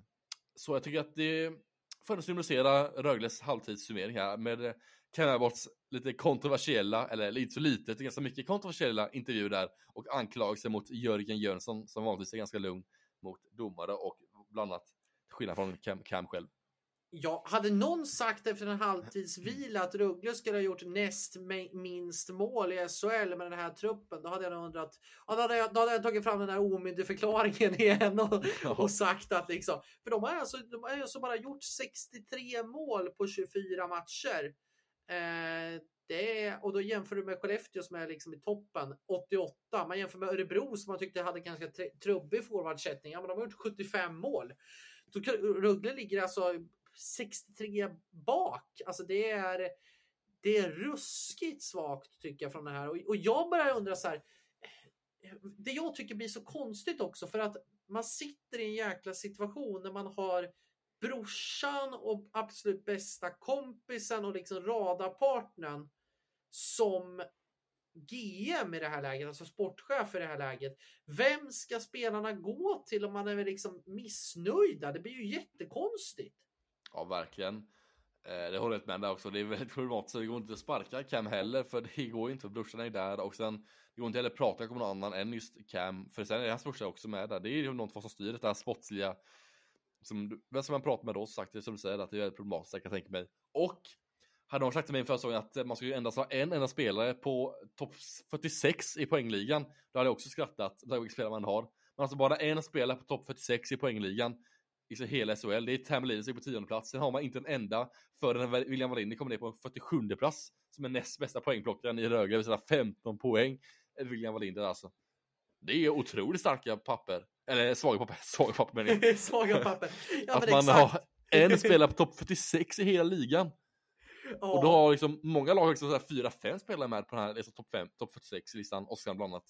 Ja. Men alltså Rögle alltså en spelare på topp 46 med deras spetskvaliteter och deras lag. Ja, det är ju ruskigt dåligt faktiskt. Ja, alltså jag börjar fundera, alltså, vad, vad är det som händer? Alltså Daniel Saar har bara gjort 10 poäng på 19 matcher. Det är för dåligt. Ja, det är ju Eh, alltså, det är fruktansvärda riktigt, papper. Ja, det är riktigt svaga papper alltså. Ja. Och, och Dennis Everberg har gjort 7 på 14, också alldeles för dåligt. Jag vet att han har haft skadeproblem och sådana saker. Alltså backs som Tony Sund som ska vara någon form av försvarsgeneral. 14 minus! ja. Alltså det är så mycket som inte fungerar och då har vi inte kommit heller till målvaktsspelet som man kanske trodde skulle vara starka papper. Kristoffer Rifalk, han ligger på 87,6 på 14 matcher. Kalle Klang når inte upp till 90 heller. Nej.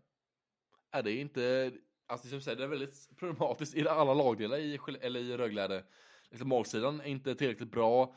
Man når inte upp till 90% i regelprocent ens och det är alldeles för dåligt. Man har liksom en backsida som svajar alldeles för mycket med Tony Sund och som inte har varit bra alls. Minus 14 och väldigt mycket in och ut från laget. Erdan Lesund är inte den här backgeneralen man känner igen han ifrån så tidigare. Han är inte den backgeneralen som han brukar vara, eller som han borde vara. Och därför så är det, det är Adam Engström och William Wallinder som drar detta backsidan, som drar backsidan liksom framåt och som är de två bästa backarna helt enkelt. Och det är lite talande när man har två så unga backar som ser framträdande backar. Det blir ganska problematiskt tycker jag, sett till backsidan i sin helhet. Ja, alltså det, det blir ju jätte, jätte, jätte knas så liksom. Det, det blir ju konstigt i hierarkin. Man släpper ju kanske, man släpper in 76 mål, det sjätte mest i ligan. Men det är framförallt offensivt som man har förbannat svårt att, att göra mål liksom. Det, det, ja, det är märkligt också med den uppställningen. Men, men om jag säger så här, om, jag ska, om vi ska gå riktigt långt, för jag får lite så här red flag-vibbar av det här. Man säger att Rögle har för bra trupp för att hamna i kval och man är liksom Alltså fråga HV71. Jag får nästan lite samma känsla kring det här laget. Väldigt liksom hypad inför säsongen. Man trodde man skulle nästan vara med topp tre liksom och, och Mm. utmana. Jag får lite sådana vibes faktiskt och framförallt den här frustrationen. Alltså när man inte har harmonin i, i eh, liksom när man till och med som tränare går ut och tar en, en, en eh, två minuters utvisning som för abuse of officials. Att man inte liksom kan, när, när sådana saker händer, när man håller på och skriker mot domare, när man liksom känner den här frustrationen, hur det bara kokar. Då börjar man fundera och det är frågan är hur mycket tålamod har uggle? Ja, det är verkligen frågan om vad kommer hända, vad händer härnäst liksom och liksom, hur ska man tackla den här nedgången? Ska man ha ännu fler spelare eller ska man sparka någonting, någon tränare eller någon ledare någonting eller ska man ta in något nytt ledarstaben för att höja den eller det känns som att det finns väldigt, väldigt få saker att ta till med nu för Rögle. Man har varit in spelare men det har inte funkat. Man har liksom inte jättebred marknad. Men man kommer nog fortsätta ta in spelare under säsongens gång kan jag tänka mig. Men frågan är om det kommer stå väl ut eller om det fortsatt blir de här problematiska eh, spelarna som är kvar i truppen och om det är värvningar inte står väl ut som de gjort tidigare. Ja, det är ju inte lätt att hitta de spetsspelarna heller som man måste få in liksom. Jag, jag tror man måste bygga den befintliga truppen och försöka få igång de som har varit alltså, för dåliga i poängproduktionen. Man måste på något sätt lyfta det här kollektivt eh, från målvakt och framåt eh, för de ledande spelarna. För, för det, det går inte. Alltså, Mm. det, man, då leker man med elden. Eh, nu är det väldigt jämnt, det kan gå väldigt fort och får man bitarna på plats då kan man faktiskt lyfta. Men jag kan ju garantera, jag, jag kan sätta min cykel på att Rögle inte kommer vara i topp 6 i alla fall. Nej, Utlovat i podden. det är ju 10 poäng på topp 6 för eh, Rögles lillare. Så det kan bli tufft att hämta igen det under säsongens gång här. Med tanke på hur alla andra lag presterar och hur de själva presterar. Sett till spelmässiga och så. Men nu lämnar vi Rögle och går vidare till negativ kvalplats nu då, som vi är inne på nu med endast två lag kvar att gå igenom. Det var en halvtidssummering här av SHL-säsongen 22-23. HV71 är nästa lag ut som sagt, som ligger på 13 plats, som vi alla kanske vet och inte missat. Eh, och eh, 30 inspelade poäng har de på 25 matcher och ligger just nu tillbaka då på en kvalplats då på 13 plats där. Och vad tycker du om Hooknets första halva av säsongen? Ja, men det är lite som de andra lagen där i vad ska jag säga, den så kallade bottengeggan. Eh, man åker lite hiss i sina prestationsnivåer. Men det kändes som att man fick ett lyft här efter uppehållet, men sen åkte man neråt igen och, och släppte in sju mål mot Örebro och, och blev utspelade fullständigt. Det är väldigt, väldigt ojämnt i den här eh, prestationsnivån måste jag säga. Verkligen, så tidigare den här veckan har man två förluster också två matcher. Man släppt in 11 mål på två matcher mot Örebro och Linköping. Kanske inte de två vassaste lagen framåt där inte heller. Örebro och Linköping, men släppt in 11 mål mot de två lagen. Vilket är väldigt problematiskt och symboliskt för Åkereds inledning, eller halva säsongen då. Spelad, Ja. eh, och det känns som väldigt få naturliga målskyttar i Åkereds då man har inte riktigt fått ut sin kapacitet genom sina bästvärvningar då. Micke Burk har varit ganska undermålig, Jonas Netten är skadad nu, eh, även varit dålig under när han väl får spela. Man har liksom, det är de här gedigna spelarna som Fredrik Forsberg klivit fram, André Petersson klivit fram, Tedemir har bra tycker jag han har spelat och så vidare. Kollar backsidan så är det ju Sjöholm, Ledge och Emil André. Men det är de som kanske drar det där backlasset då tillsammans med kanske Nils Hjalmarsson på senare tid också. också. Men eh, ja, det finns såklart många frågetecken i Hockeyets under deras första halva av säsongen. Ja, framförallt att man har haft de här förmågan att förlora till exempel mot en sån match mot Linköping när man ändå har en ledning och som jag tycker man ska kunna hålla i. Man lyckas inte riktigt med det och då, då, eh, då brakar det neråt liksom. Att man har, man har förmågan att förlora de matcherna som man faktiskt har chans att ta poäng i och det är väl lite av det här vi vill kalla med bottenlagsbeteende om vi vänder på det istället. Eh, som sagt så håller jag med också om Mikael Butker, alltså 8 poäng på 22 matcher. Det är dyra 8 poäng ska vi säkert säga. Eh, alltså det är många som inte har, har levererat. Taylor Mattsson vet jag inte om han är en sån SHL-spelare riktigt. Liksom 5 poäng på 24 matcher. Eh, Jonas Nettinen har ju inte alls kommit igång. 2 poäng på 12 matcher. Eh, det det är ju, för, det är ju en trubbig trupp och det, allting handlar ju för dem om, om att klara sig kvar det här året. Liksom. Och kanske till och med undvika kval om det är möjligt. Liksom. Eh, för det, det, är den målsättningen HV måste ha i år. Eh, Fredrik Forsberg, skitbra måste jag faktiskt säga. Mm. Och som vi sa i förra podden, det är dags att förlänga med honom. Även en sån som André Pettersson tycker jag är bra, Emil André. Och sen har man ju några juniorer som har kommit um. Viktor Sjöholm som han förlängde med också här nu. Eh, har gjort det jättebra. Och även Oskar Fisker Mullgård som jag tycker har tagit steg här i alla fall. Och skrev kontrakt med också nu i veckan när Oskar Fiskemörgård skrev avlagskontrakt med Hockeynet också under veckans gång. Så säg grattis till han. Mm. Eh, och Fredrik Forsberg ligger just nu på nionde plats och är Hockeyets bästa poängplockare, det vill säga 21 gjorda poäng på 25 matcher och är väl deras bästa forward utan tvekan då som sagt.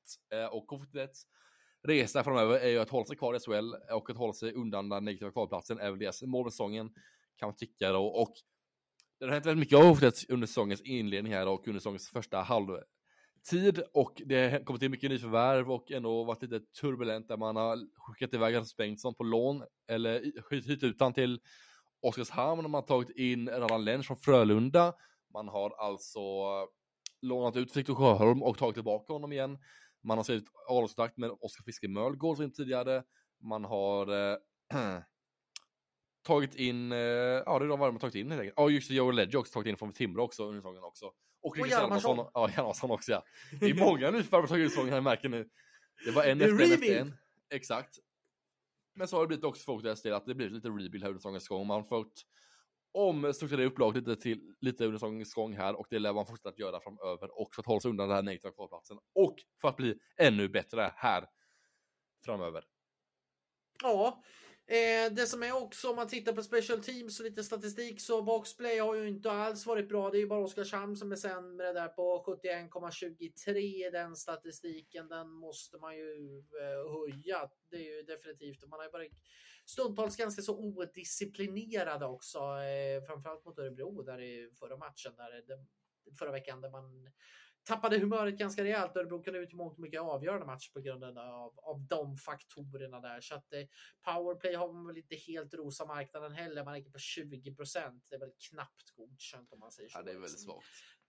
Rent statistiskt. Ja, Det är knappt godkänt som sagt, som säger där. det, ja. Yes, men nu lämnar jag Sovjets och vet nästa lag som är det sista laget även i denna halvtidssummering som vi har för denna vecka och det är SHLs största krislag då och just nu Hotlets motståndare i negativa kvalet om det ser ut så här som det just nu som i tabellmässigt då och Malmö Redhawks är sista laget ut då som sagt med sin 14 placering just nu i SHL-tabellen och de börjar sakta säkert bli avhakade i SHL-tabellen här. De är just nu alltså, eller ja, avhakade, de är just nu fyra poäng på säker mark då. Eh, med en match spelad, en Oskarshamn och två matcher spelade, en Rögle som ligger där över på säker mark. Malmö och Redhawks som sagt, en, ett väldigt, ja, ett krislag kan man säga då. Jag tycker du Andreas? Ja, jag skulle vilja illustrera det som att man gräver en grop och man kommer bara djupare och djupare och djupare, och djupare ner i Öresund på något sätt. Det, det är inte mycket som har fungerat. Det fungerade under inledningen eh, och då byggde man upp en buffert på något sätt. Alltså, framförallt, vad, vad i, nu håller jag på att svära nästan till för vad det är så dåligt. Men vad håller man på med på hemmaplan? Ja, det är bisarra siffror sett till vilka, hur många vinster man har på hemplan och hur många vinster man inte har de senaste matcherna på hemplan framförallt. Alla icke-vinster som har tagit här. Ja, men det är helt otroligt. Jag ska se om jag har, eh, jag har eh, statistiken här. Eh, vi ska ta upp hemmatabellen här ska vi se så får vi det på svart på vitt. Malmö har alltså vunnit två av 14 matcher på hemmaplan. Två av 14. Smaka på de siffrorna, det är ju Ja, det är inte godkänt. Nej, då är det inte konstigt att man ligger där man ligger. Nej, det kan bli tufft i ett kval också om man har tre hemmatcher och sen har man vunnit två hela år, under halva säsongen. Det är alltså då vill man så man vinner alltså då fyra hemmatcher? Nej, inte ens det. Tre hemmatcher vinner man i så fall under en hel säsong om det har hållit i sig. Tre vinster på hemplan om det håller i sig under hela säsongen. Man har alltså snittat 0,64 poäng på hemmaplan. Ja, det är så sjukt låga och sjukt dåliga siffror så det är Ja, det finns ju knappt, tänkte säga, men det gör det ju uppenbarligen.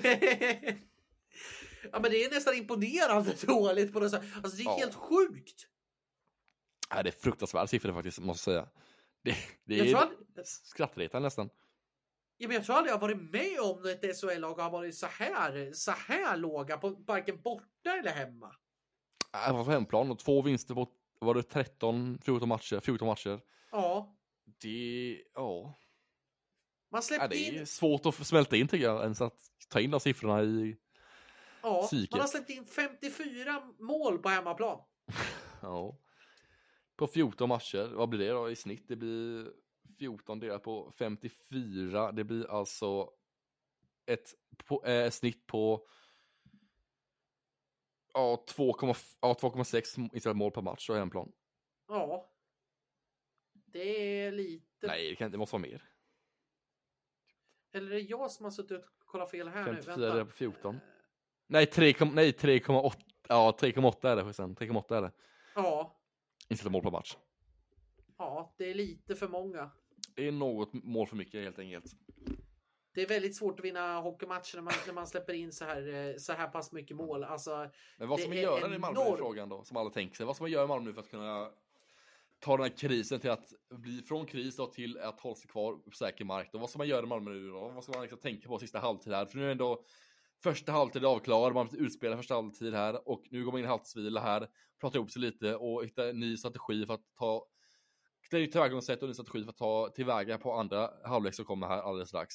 Hur ska man göra då, Andreas, för att ta andra halvlek på bästa sätt? Hur ska man inleda andra halvlek då, tycker du? Andreas? Ja, hade jag haft de svaren hade jag varit miljonär i det här läget. Men... Du har varit uttränare för Malmö Redhawks helt enkelt.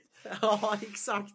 Nej, men alltså framförallt det första, och det har ju vi varit inne på tidigare i podden, det, det absolut första jag hade gjort det är att byta kapten. Mm. Carl Söderberg håll, håller inte för det. Han måste få koncentrera sig på sitt eget spel som inte har varit tillräckligt bra helt enkelt den här. Det är det första jag skulle göra. Sen så skulle jag faktiskt på, på något sätt, jag ska inte säga redan att man ska förbereda sig på ett, på ett kval, men, men man måste kanske börja. Jag tycker man, man ska börja spela en tråkig, jobbig och liksom Malmö-hockey hockey. Eh, alltså Peter Andersson tog ändå laget till, till slutspel flera, flera år med ganska så begränsad trupp liksom. man måste på något sätt, alltså vi har ju tippat Malmö i botten, det är ju många som har gjort liksom och nu är man där. Men man har ju ändå visat i början av säsongen att det ändå fanns någonting där. Kan man hitta tillbaka till det på något sätt eller är det redan kört liksom? Jag tror att man, man måste sätta ett grundspel. Man måste liksom back to basic om man säger så. Det ska inte vara någon form och liksom man måste sluta släppa in mål framför allt. Eh, och sen kan man ju lägga sina matcher i Köpenhamn tycker jag också. Ja, ta buss till varje hemmatch. ja, det, det kanske det blir något pass bättre på hemmafacitet. För att, nej men alltså, all, allvarligt seriöst om man ska vara så, så, så måste man på något sätt hitta tillbaka till ett grundspel, vad, vad nu det är. Men, men att, att prioritera defensiven framför allt. Ja, vad ska man göra? Ska man sparka tränaren? tycker du? som sparkar kollar? Ska man ta in något nyfärg? Ska man på forwardsidan i så fall? Ska man på målvaktssidan? Ska man på, på forwardsidan? Eller vad ska man ta in värvning någonstans? Eller om man ska ju ta in värvning ens?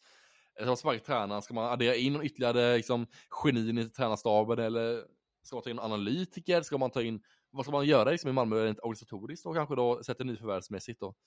Vad ska Björn ja. Lander göra nu om du ska ha några visa ord till honom här och nu? Ja, alltså det är en svår situation. Alltså det finns ju ingenting på marknaden. Vi har ju sagt det tidigare. Jag vet inte fasiken vad man, vad man ska göra riktigt. För man har satt sig i en riktig rävsax här. För det finns inte speciellt mycket i, på marknaden att ta in. Och, och det är ju inte liksom Örebro tar ur med Adrik Musik och sådana typer av värvningar. Alltså det är ju inte något sånt Malmö jag tycker man, man, ska göra liksom för att man måste ha in någon form av spets. Man måste ha in avgörande spets i, i, i sin trupp liksom. Eh, jag skulle väl ta in en, en defensiv backcoach eller någonting sånt liksom som, som på något sätt kan organisera upp det här laget. Alltså jag är lite där, ska, ska man sparka kollar, men om man sparkat ytterligare en tränare, då har man liksom fortfarande rörigt på, på det organisatoriska. Det är klart, Johan Lundskog sitter ju ledig nu eh, efter att ha fått sparken i, i Schweiz, men han är väl lite mer av en offensiv tränare om jag ja. fattat det rätt. Så att, jag vet inte fan. Jag tror inte han ska suga på det på över detta Malmö om ska vara ärlig, om jag ska vara helt ärlig. Nej. Han har, han kanske har en del andra erbjudanden som är lite mer sexigare än Malmös erbjudande, om man säger ja. så. Ja, för vem vill ta över liksom ett, ett skepp som läcker in jäkligt mycket vatten och ha liksom ett isberg inte så långt i horisonten som ett kval faktiskt är. Man måste få ihop gruppen, det är A och O. För just nu får man inte ihop gruppen vad det, vad det syns liksom på, på alla håll och kanter. Man måste liksom försöka komma samman och vara det här Malmö-tuffa. Hitta tillbaka till den här Malmö-identiteten som kännetecknar Malmö. Det är lättare sagt än gjort. Jag vet inte fan vad man ska göra. Vad, vad hade du gjort om du hade varit jag läste en lite rolig kommentar där faktiskt från en Malmö-supporter på Twitter. Han säger typ så här att eh, han vill att eh, lag ska nu innan jul stå upp med en riktig, alltså en riktigt stor lagfest där man super näst ordentligt. Hela laget kommer samman och festa tillsammans under en lagfest i Malmö. Bara så alla kommer samman, få upp gruppen lite, bara supa, supa ner varandra och dricka och bara festa och tillsammans. Och Alltså det låter sjukt, men på något sätt tycker jag ändå att det låter som en vettig idé att försöka ändå festa ihop tillsammans då och sen på en rimlig nivå kanske då. Men festa tillsammans ihop, få ihop gruppen på något sätt, göra en aktivitet tillsammans. Där han får ihop gruppen med och får liksom, få ihop ännu mer kemi i gruppen.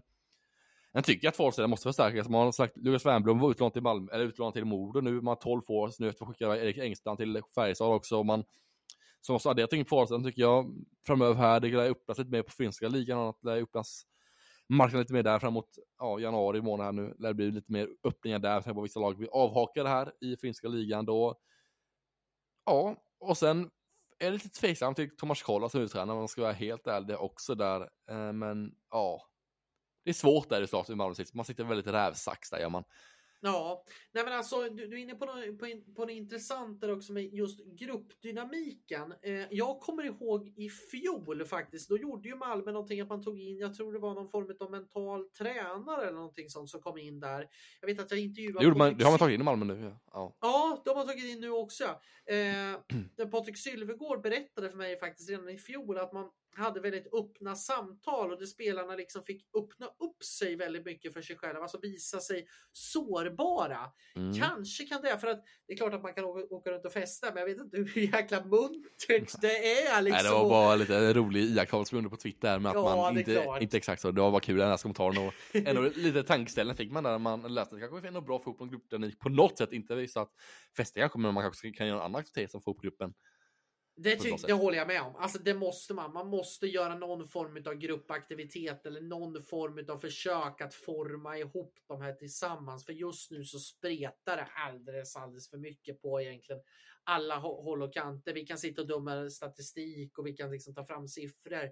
Men det är där facitet ligger, att det är gruppdynamiken det inte har funkat i år. Liksom. Det funkar under inledningen, sen blir man kanske lite bekväma och sen har man ju rasat ihop som ett korthus. Det tycker jag är en ganska bra summering. Yes, och det får vi sammanfatta och sätta punkt för vår halvtidssummering då av samtliga 14 SHL-klubbar. Och då går vi till nästa segment och som är veckans hete och veckans hete händelse den här veckan. Det fanns mycket att välja på. Linus Johanssons eh, klubbkastning däremot eh, Joel Lundqvist och domaren är ju en het händelse, men även Sebastian Hartmans filmning också en het händelse den här veckan. Men framförallt Janne Sandströms hyllning i Delfinen, eller AIK på Norrbotten Arena, är kanske den hetaste av dem alla.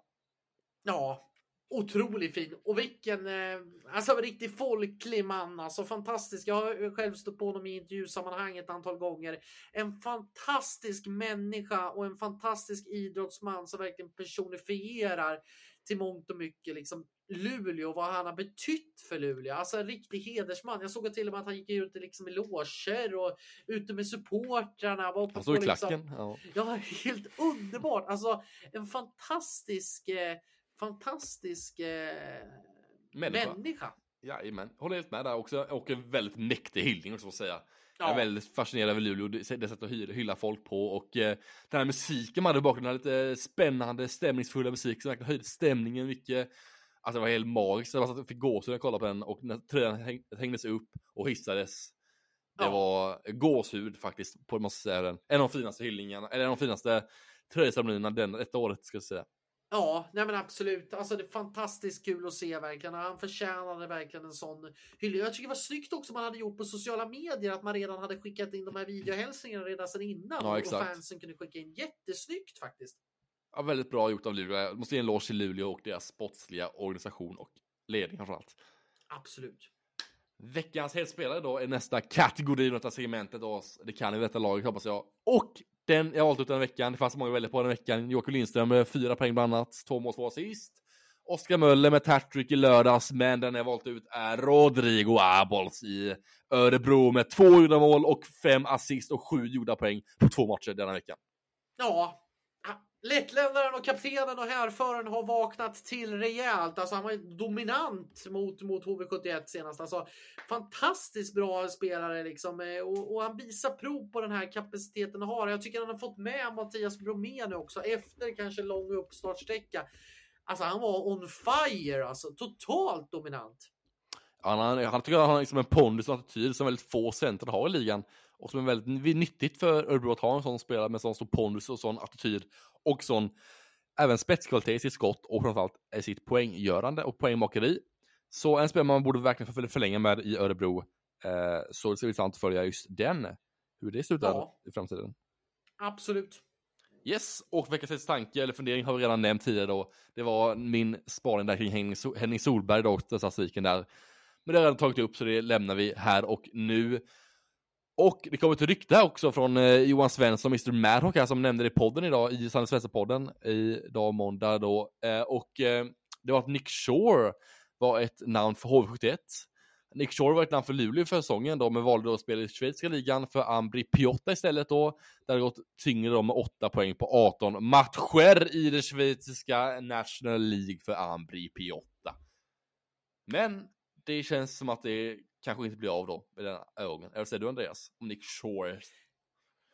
Ja, alltså det är en jätteintressant spelare. Alltså jätteintressant spelare som Luleå gick stenhårt på Ja, här inför säsongen och vill ju verkligen ha in honom. Och, och det är ju en, det är ju en spetsspelare. Det, det, det måste man ju verkligen säga. Alltså han har ju ser, måste kolla till hans CV och uppdatera mig lite, men, men Var i KL och Eh, gjorde det bra för två år ja, sedan. Eller han har ju ändå gjort Ja, han har ju ändå liksom eh, nästan han har ju 299 NHL-matcher på, på sitt CV liksom Mm. och 59 poäng har han ändå gjort där. Han har spelat för Calgary, Ottawa, Los Angeles är han ju mest känd eh, kring sig liksom och är ju en sån spelare eh, som verkligen kan producera. Han gjorde ju för bara några år sedan, säsongen 2021, eh, 2020-2021, då gjorde han ju 27 poäng på 22 matcher i Zug i, eh, i eh, schweiziska högsta ligan.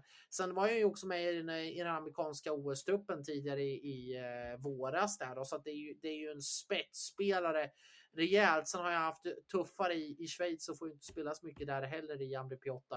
Eh, så det är klart att det här vore ju en, en superförstärkning för HV och framförallt som marknaden ser ut och det är ju en av de klubbarna som också har råd att lasta in en sån här spetsspelare. Så det är klart, får man honom så skulle jag faktiskt hugga, även om det kan vara en uppstartsträcka från komma från KHL som han spelade förra säsongen då i Metallurg Manitogorsk.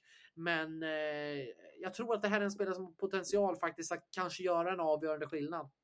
Verkligen håller helt med där i den analysen då och men vad har då hänt under den här veckan i SHL då? Jo, det har varit mycket övergångar den här veckan och en del som har hänt faktiskt. Vi har sett Radek Mosik lämnat, eh, lämnat Luleå för spel i Örebro. Vi har sett eh, Pils Palme gå till Linköping. Vi har sett Pajen lämnat Linköping då som, eh, eller efter säsongen då kommer han lämna, men att det blev offentligt här under veckans gång.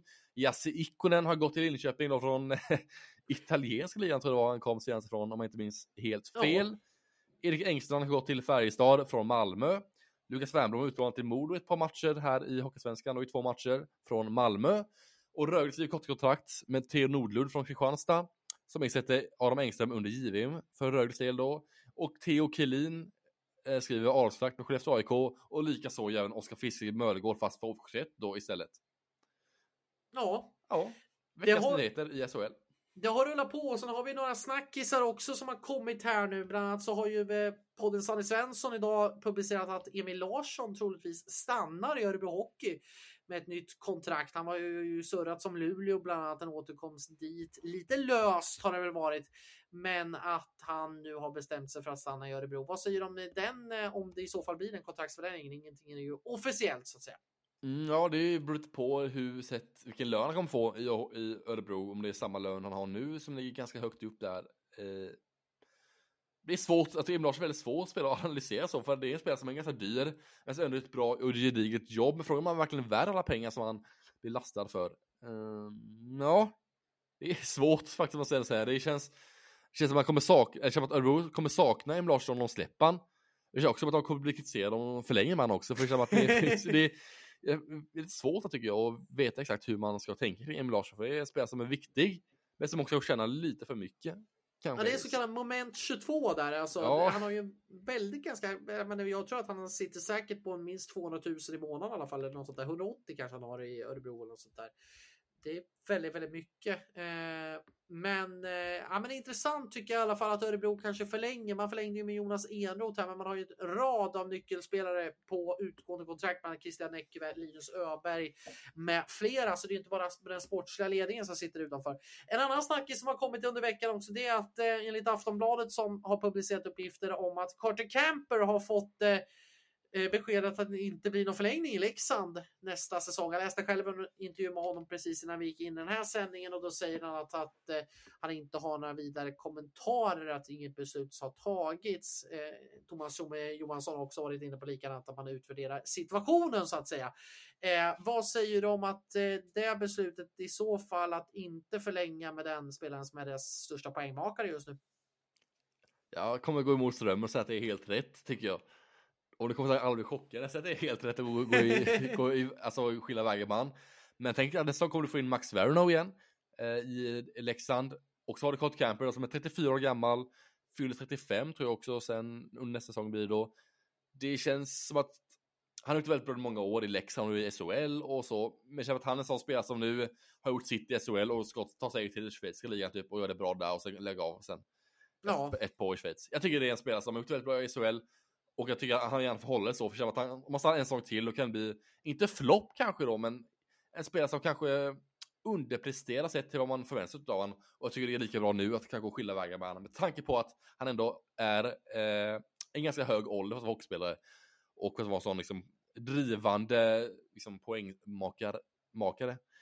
Ja, eh, jag... Och så har man också Max Werner som sitter på ingång också den säsongen då förmodligen då. Eh, han har inte fått nytta i NHL eller så, så han lär komma tillbaka till Leksand och ersätta då College Camper har en ganska tjock forwardsida som har det. med Lux Elmnes som sagt står också, men ju också bland annat och många andra som har kontakt över nästa säsong också i Leksand. Nej, men jag, håller, jag håller faktiskt med dig. Jag, jag är en sådär, jag vet att vissa Leksands, spel, Leksands eh, supportrar har ju varit tokiga när den här uppgifterna kom ut och bara vad, vad är det, vad, vad håller tjommen på med egentligen?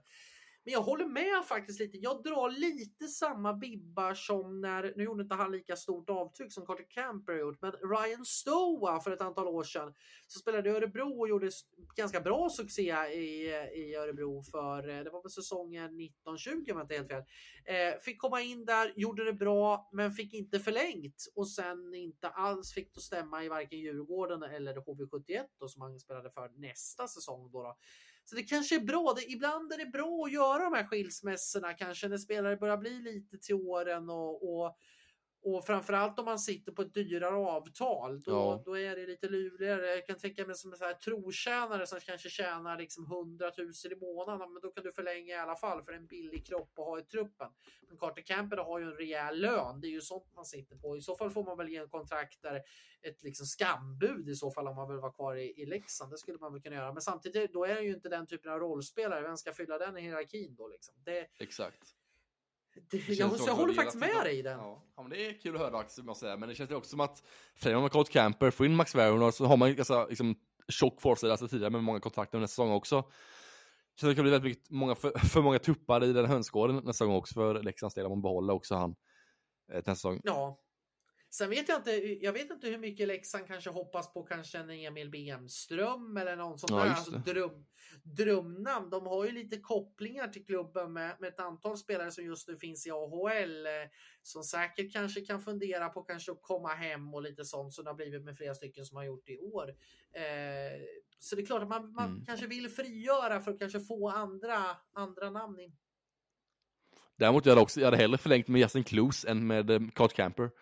Kloos har också utgått kontrakt med Leksand, så jag förlänger med, hellre med honom än med Colt Camper. För jag tycker Justin Kloos är ett yngre spelare som också har liksom en annan typ av roll än Colt Camper har också. Ja, har Carter Ashton utgående kontrakt? Det tror jag han ha- har. Jag kan kolla här snabbt. Och Jessica Kloos är nu 13 poäng på 16 matcher. Jessica Kloos gjort. Så han tycker man ska behålla.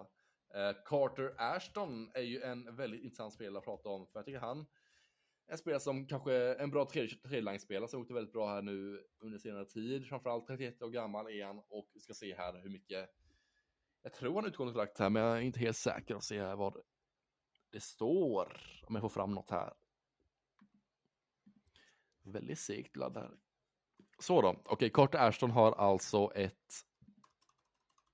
Jag tror... Det är en bra fråga faktiskt. Som laddar in lite på det. kanske inte står på... eh, Jo, det var så måste ladda. Jag fan, dålig uppkoppling. Jag sitter. jag Men se i alla fall, ja, nu ser det. Ja, han har kontakt med nästa gång också. Han 23-24 går hans kontrakt ut där som sagt Ja. med Leksand. Där börjar jag undra, ska man försöka göra en skilsmässa? För jag tycker att på något sätt så tycker jag kanske att en, en, en jag tycker inte att han producerar speciellt mycket på de Nej. poängen efter den lönen han har. Undrar om man inte skulle göra en rockad där och försöka få någon form av svensk eller någon junior eller någonting där. För att ha en transatlant i den rollen. Nej, det tycker jag inte.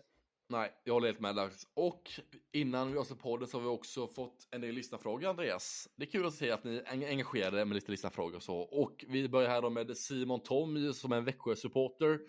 Växjö-supporter. Växjö-supporter. eh, han frågar då, hur tycker ni att Jörgen Jönsson har gjort det i Växjö så här långt? Succé, bra eller helt okej? Nej men det är ju succé. Det finns ju ingenting Ja. annat att säga. Alltså det är ju ingen skillnad mot Samalla, men Nej. då är det ju succé. Det Leder blir man kort svar på den frågan och jag- det man behöver inte förklara mycket mer än så tycker jag inte. Utan etta i SHL talar sitt egna språk. Tycker Ja. jag. Eh, hur ofta, så har vi en fråga från Magnusson då. Hör ofta hur jämn SHL helt plötsligt blivit. Men när jag verkligen studerade tabellen efter lördagens omgång tycker jag att man nu kan se ty- betydligt större luckor i toppen kontra mitten och mitten kontra botten. Malmö har nästan 30 poäng upp till Växjö. Det är enormt glapp mellan ettan och 14 plats. Ja, Ja, det är ju alltså det, det är en svår fråga. Det är ju det är så där, alltså toppen och botten skiljer ganska mycket, men just mittenskiktet är ju ganska, ja det är väldigt få poängsskillnader mellan liksom tolvan till liksom sjunde placeringen. Det är, så, det är så här liksom tätt och det är just det man då kommenterar när det gäller jämnheten Mm. i SHL som liga i år. Ja. Nej, men det, alltså det jag skulle säga det, det är att vi har ju några topplag som kommer att förbli topplag. Alltså jag tänker, jag tänker väl Frölunda nu som har börjat fått upp ruset. Jag tänker Skellefteå framför allt. Jag tänker Växjö framför allt. Jag tänker Färjestad. Vi har några, några topplag som verkligen börjar liksom utkristallisera sig här nu när, när halva säsongen är spelad. Men som du säger, de här lagen som det är väldigt jämnt mellan, liksom Örebro, Leksand, alla de lagen sen me- mellan liksom 6, 7, 8, 9, 10 ner- till 12 plats. Där är det ju stentufft, så det kommer ju vara en rejäl streckstrid tror jag, framförallt om de placeringarna. Sen tror jag att det är Malmö framförallt, Brynäs, Linköping, ehm, vad har vi mer där nere? Oskarshamn och Oskarshamn HV. som jag, som jag tror kommer kunna få liksom harva i botten. Ja. Oskarshamn får man till defensiven så ser jag ändå potential att det kan lyfta ännu bättre Ja. där. För där, där tycker jag ändå det finns spetsegenskaper som inte finns i de andra lagen. Det är bara att defensiven har ju havererat totalt så att det, det, det är det som har blivit den stora akilleshälen. Får man bara får man den till okej, då kan man faktiskt lyfta till en bra prestation. Ruggle är där nere och där finns det ju lite red flags. Det är där jag börjar känna de här red flags eh, grejerna. Får man inte ordning på det här ganska snabbt. Vi, vi säger att de är för bra för att ligga där nere, men de ligger där efter halva serien. Det är ändå Ja. halva serien spelat nu. Exakt. Och det är det jag börjar känna. Och serien otäckt. var tuffare också nu framöver med tätare matcher och sånt också. Så det är den lättare, om man får säga så, delen av säsongen är avklarad här snart med lite längre uppehåll och även lite, ja men lite luftigare spelschema kan man säga då. Nu kommer ju efter årsskiftet bli lite tuffare och tätare matcher då efter julafton och efter nyår och årsskiftet här som sagt. Verkligen. Nej, så att, eh, intressant spaning han har gjort där, men jag kan väl inte riktigt kanske hålla med om att alltså, det är, alltså jag det kan hålla med om eh, vad man säger det med Malmö och Växjö, att det är 30 poäng upp, det skiljer mycket, men just mittenlagen kan jag hålla lite med om det, det är väldigt jämnt som säger. Ja, exakt. Ja. För att liksom, alltså, man, man, kan ju, man kan ju inte se det så att det är, det är jämnt så, men man kan inte jämföra bara två lag. Man måste se till hela serien Exakt. och då är det extremt jämnt. Jajamän. Men hade du någon mer fråga Andreas eller? Ja, vi fick in en rolig fråga faktiskt. Vilken är den bästa chokladpuddingen? Det var, jag kommer inte ihåg vad namnet var, men det, jag vet inte fan hur han har fått tag på det. Eh, men det är ju den här Ekströms. Det är ju, det är ju bara den som Mm. finns. Jag vet inte fan vad vi kom in på chokladpudding för. Det ska jag säga, att jag, jag gillar inte chokladpuddingar inte. Jag gillar inte det Gör alls. du inte alltså. Nej. Nej, jag tycker det är vidrigt alltså, jag ska vara ärlig. Nu får du avgå. Nu, nu, nu blir jag besviken. Det är, det är Alltså jag är ingen fika-människa egentligen. Jag är ju inte så för fika eller kak och sånt eller sånt. Jag gillar, nej inte mycket sånt. Jag gillar mat liksom. Chokladpudding är så här, det är slafsigt och det är tjockt och det är geléaktigt där det låter. Jag vet inte vad det är. Och sen smakar det liksom mörk choklad och det är så liksom besk. Nej, jag tycker inte om det alls alltså. ja, men du tänker du på mousse. Det får ju inte vara chokladmousse. Nej men det är, så här, ja det är inte heller gott. Chokladmousse heller gör jag inte. Nej, det, det är så tjockt typ chokladpudding. Det är som, det är som en...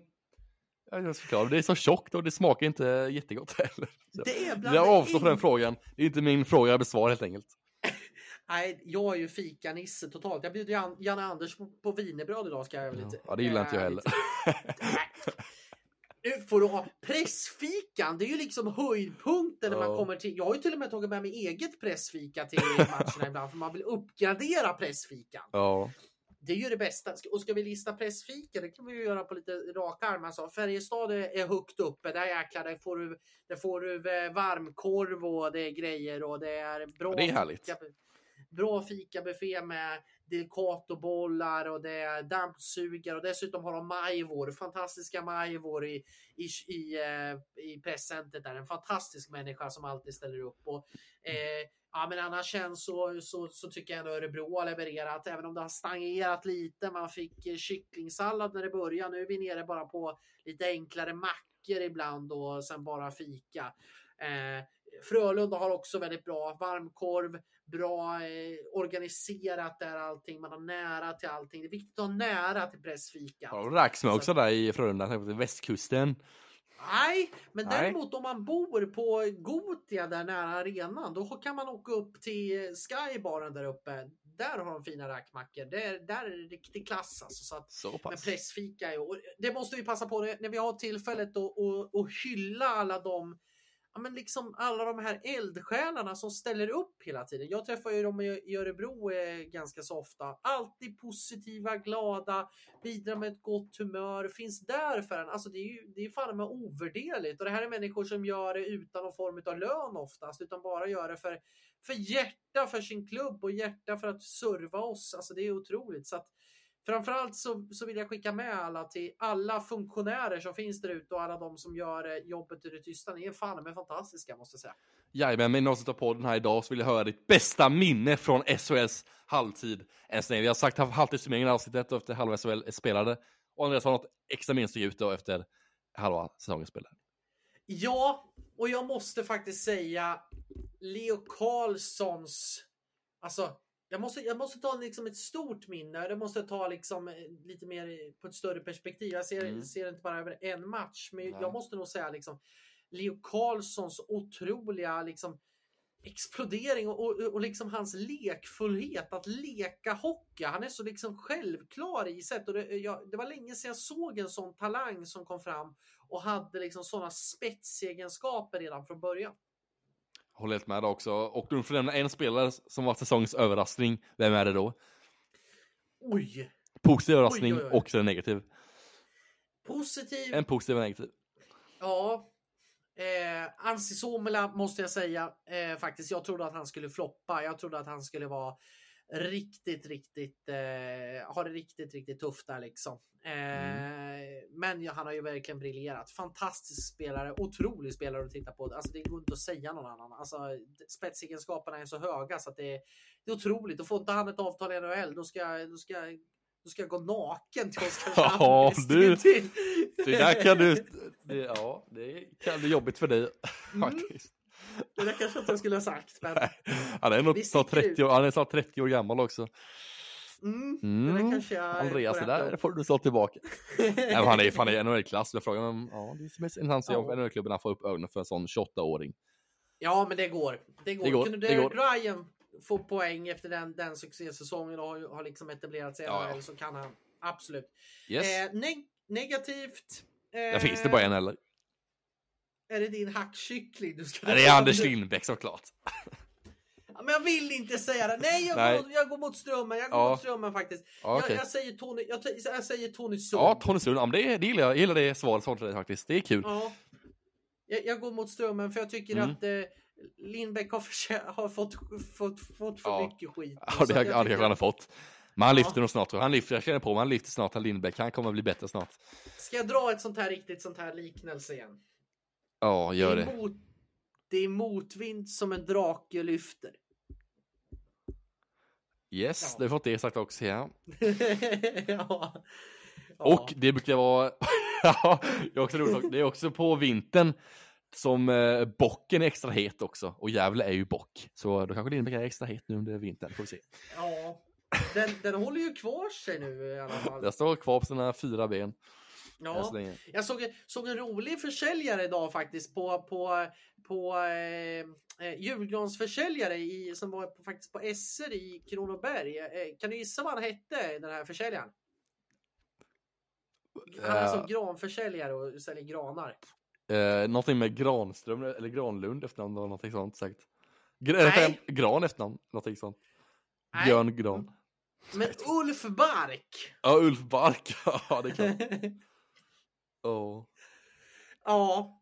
Ja, men Nej, det får vi summera den på den tycker jag. det tycker det var jag. väldigt, Ulf Bark får vi eh, avsluta med. Exakt, det var väldigt rolig och en innehållsrik podd med en halvtids summering av samtliga 14 lag. Lite, lite frågor, lite nyheter och lite rykten och lite, ja, allt däremellan Andreas då. Ja. Men nu får vi önska er en glad Lucia då, som det är idag, den 13 december, tisdag, när podden släpps. Och Absolut. Får önska er en god fortsättning här i december och hoppas ni handlar lite julklappar då till era nära och kära och förbereder inför julen här som stundar. En lördag då om två veckor blir det väl? Ja, en, ja, två veckor. Ja, vi kör ända in i kaklet här. Vi kör in i kaklet bara- såklart. Jajamän. det Vi är tillbaka bara- nästa vecka igen. Nästa tisdag är tillbaka med en ny podd som sagt. Det är vi. Vi stänger butikerna va? Det gör vi. Ha det jättebra nu så hörs vi nästa vecka. Ha det bra nu. Hej då. Ha det bra. Hej då.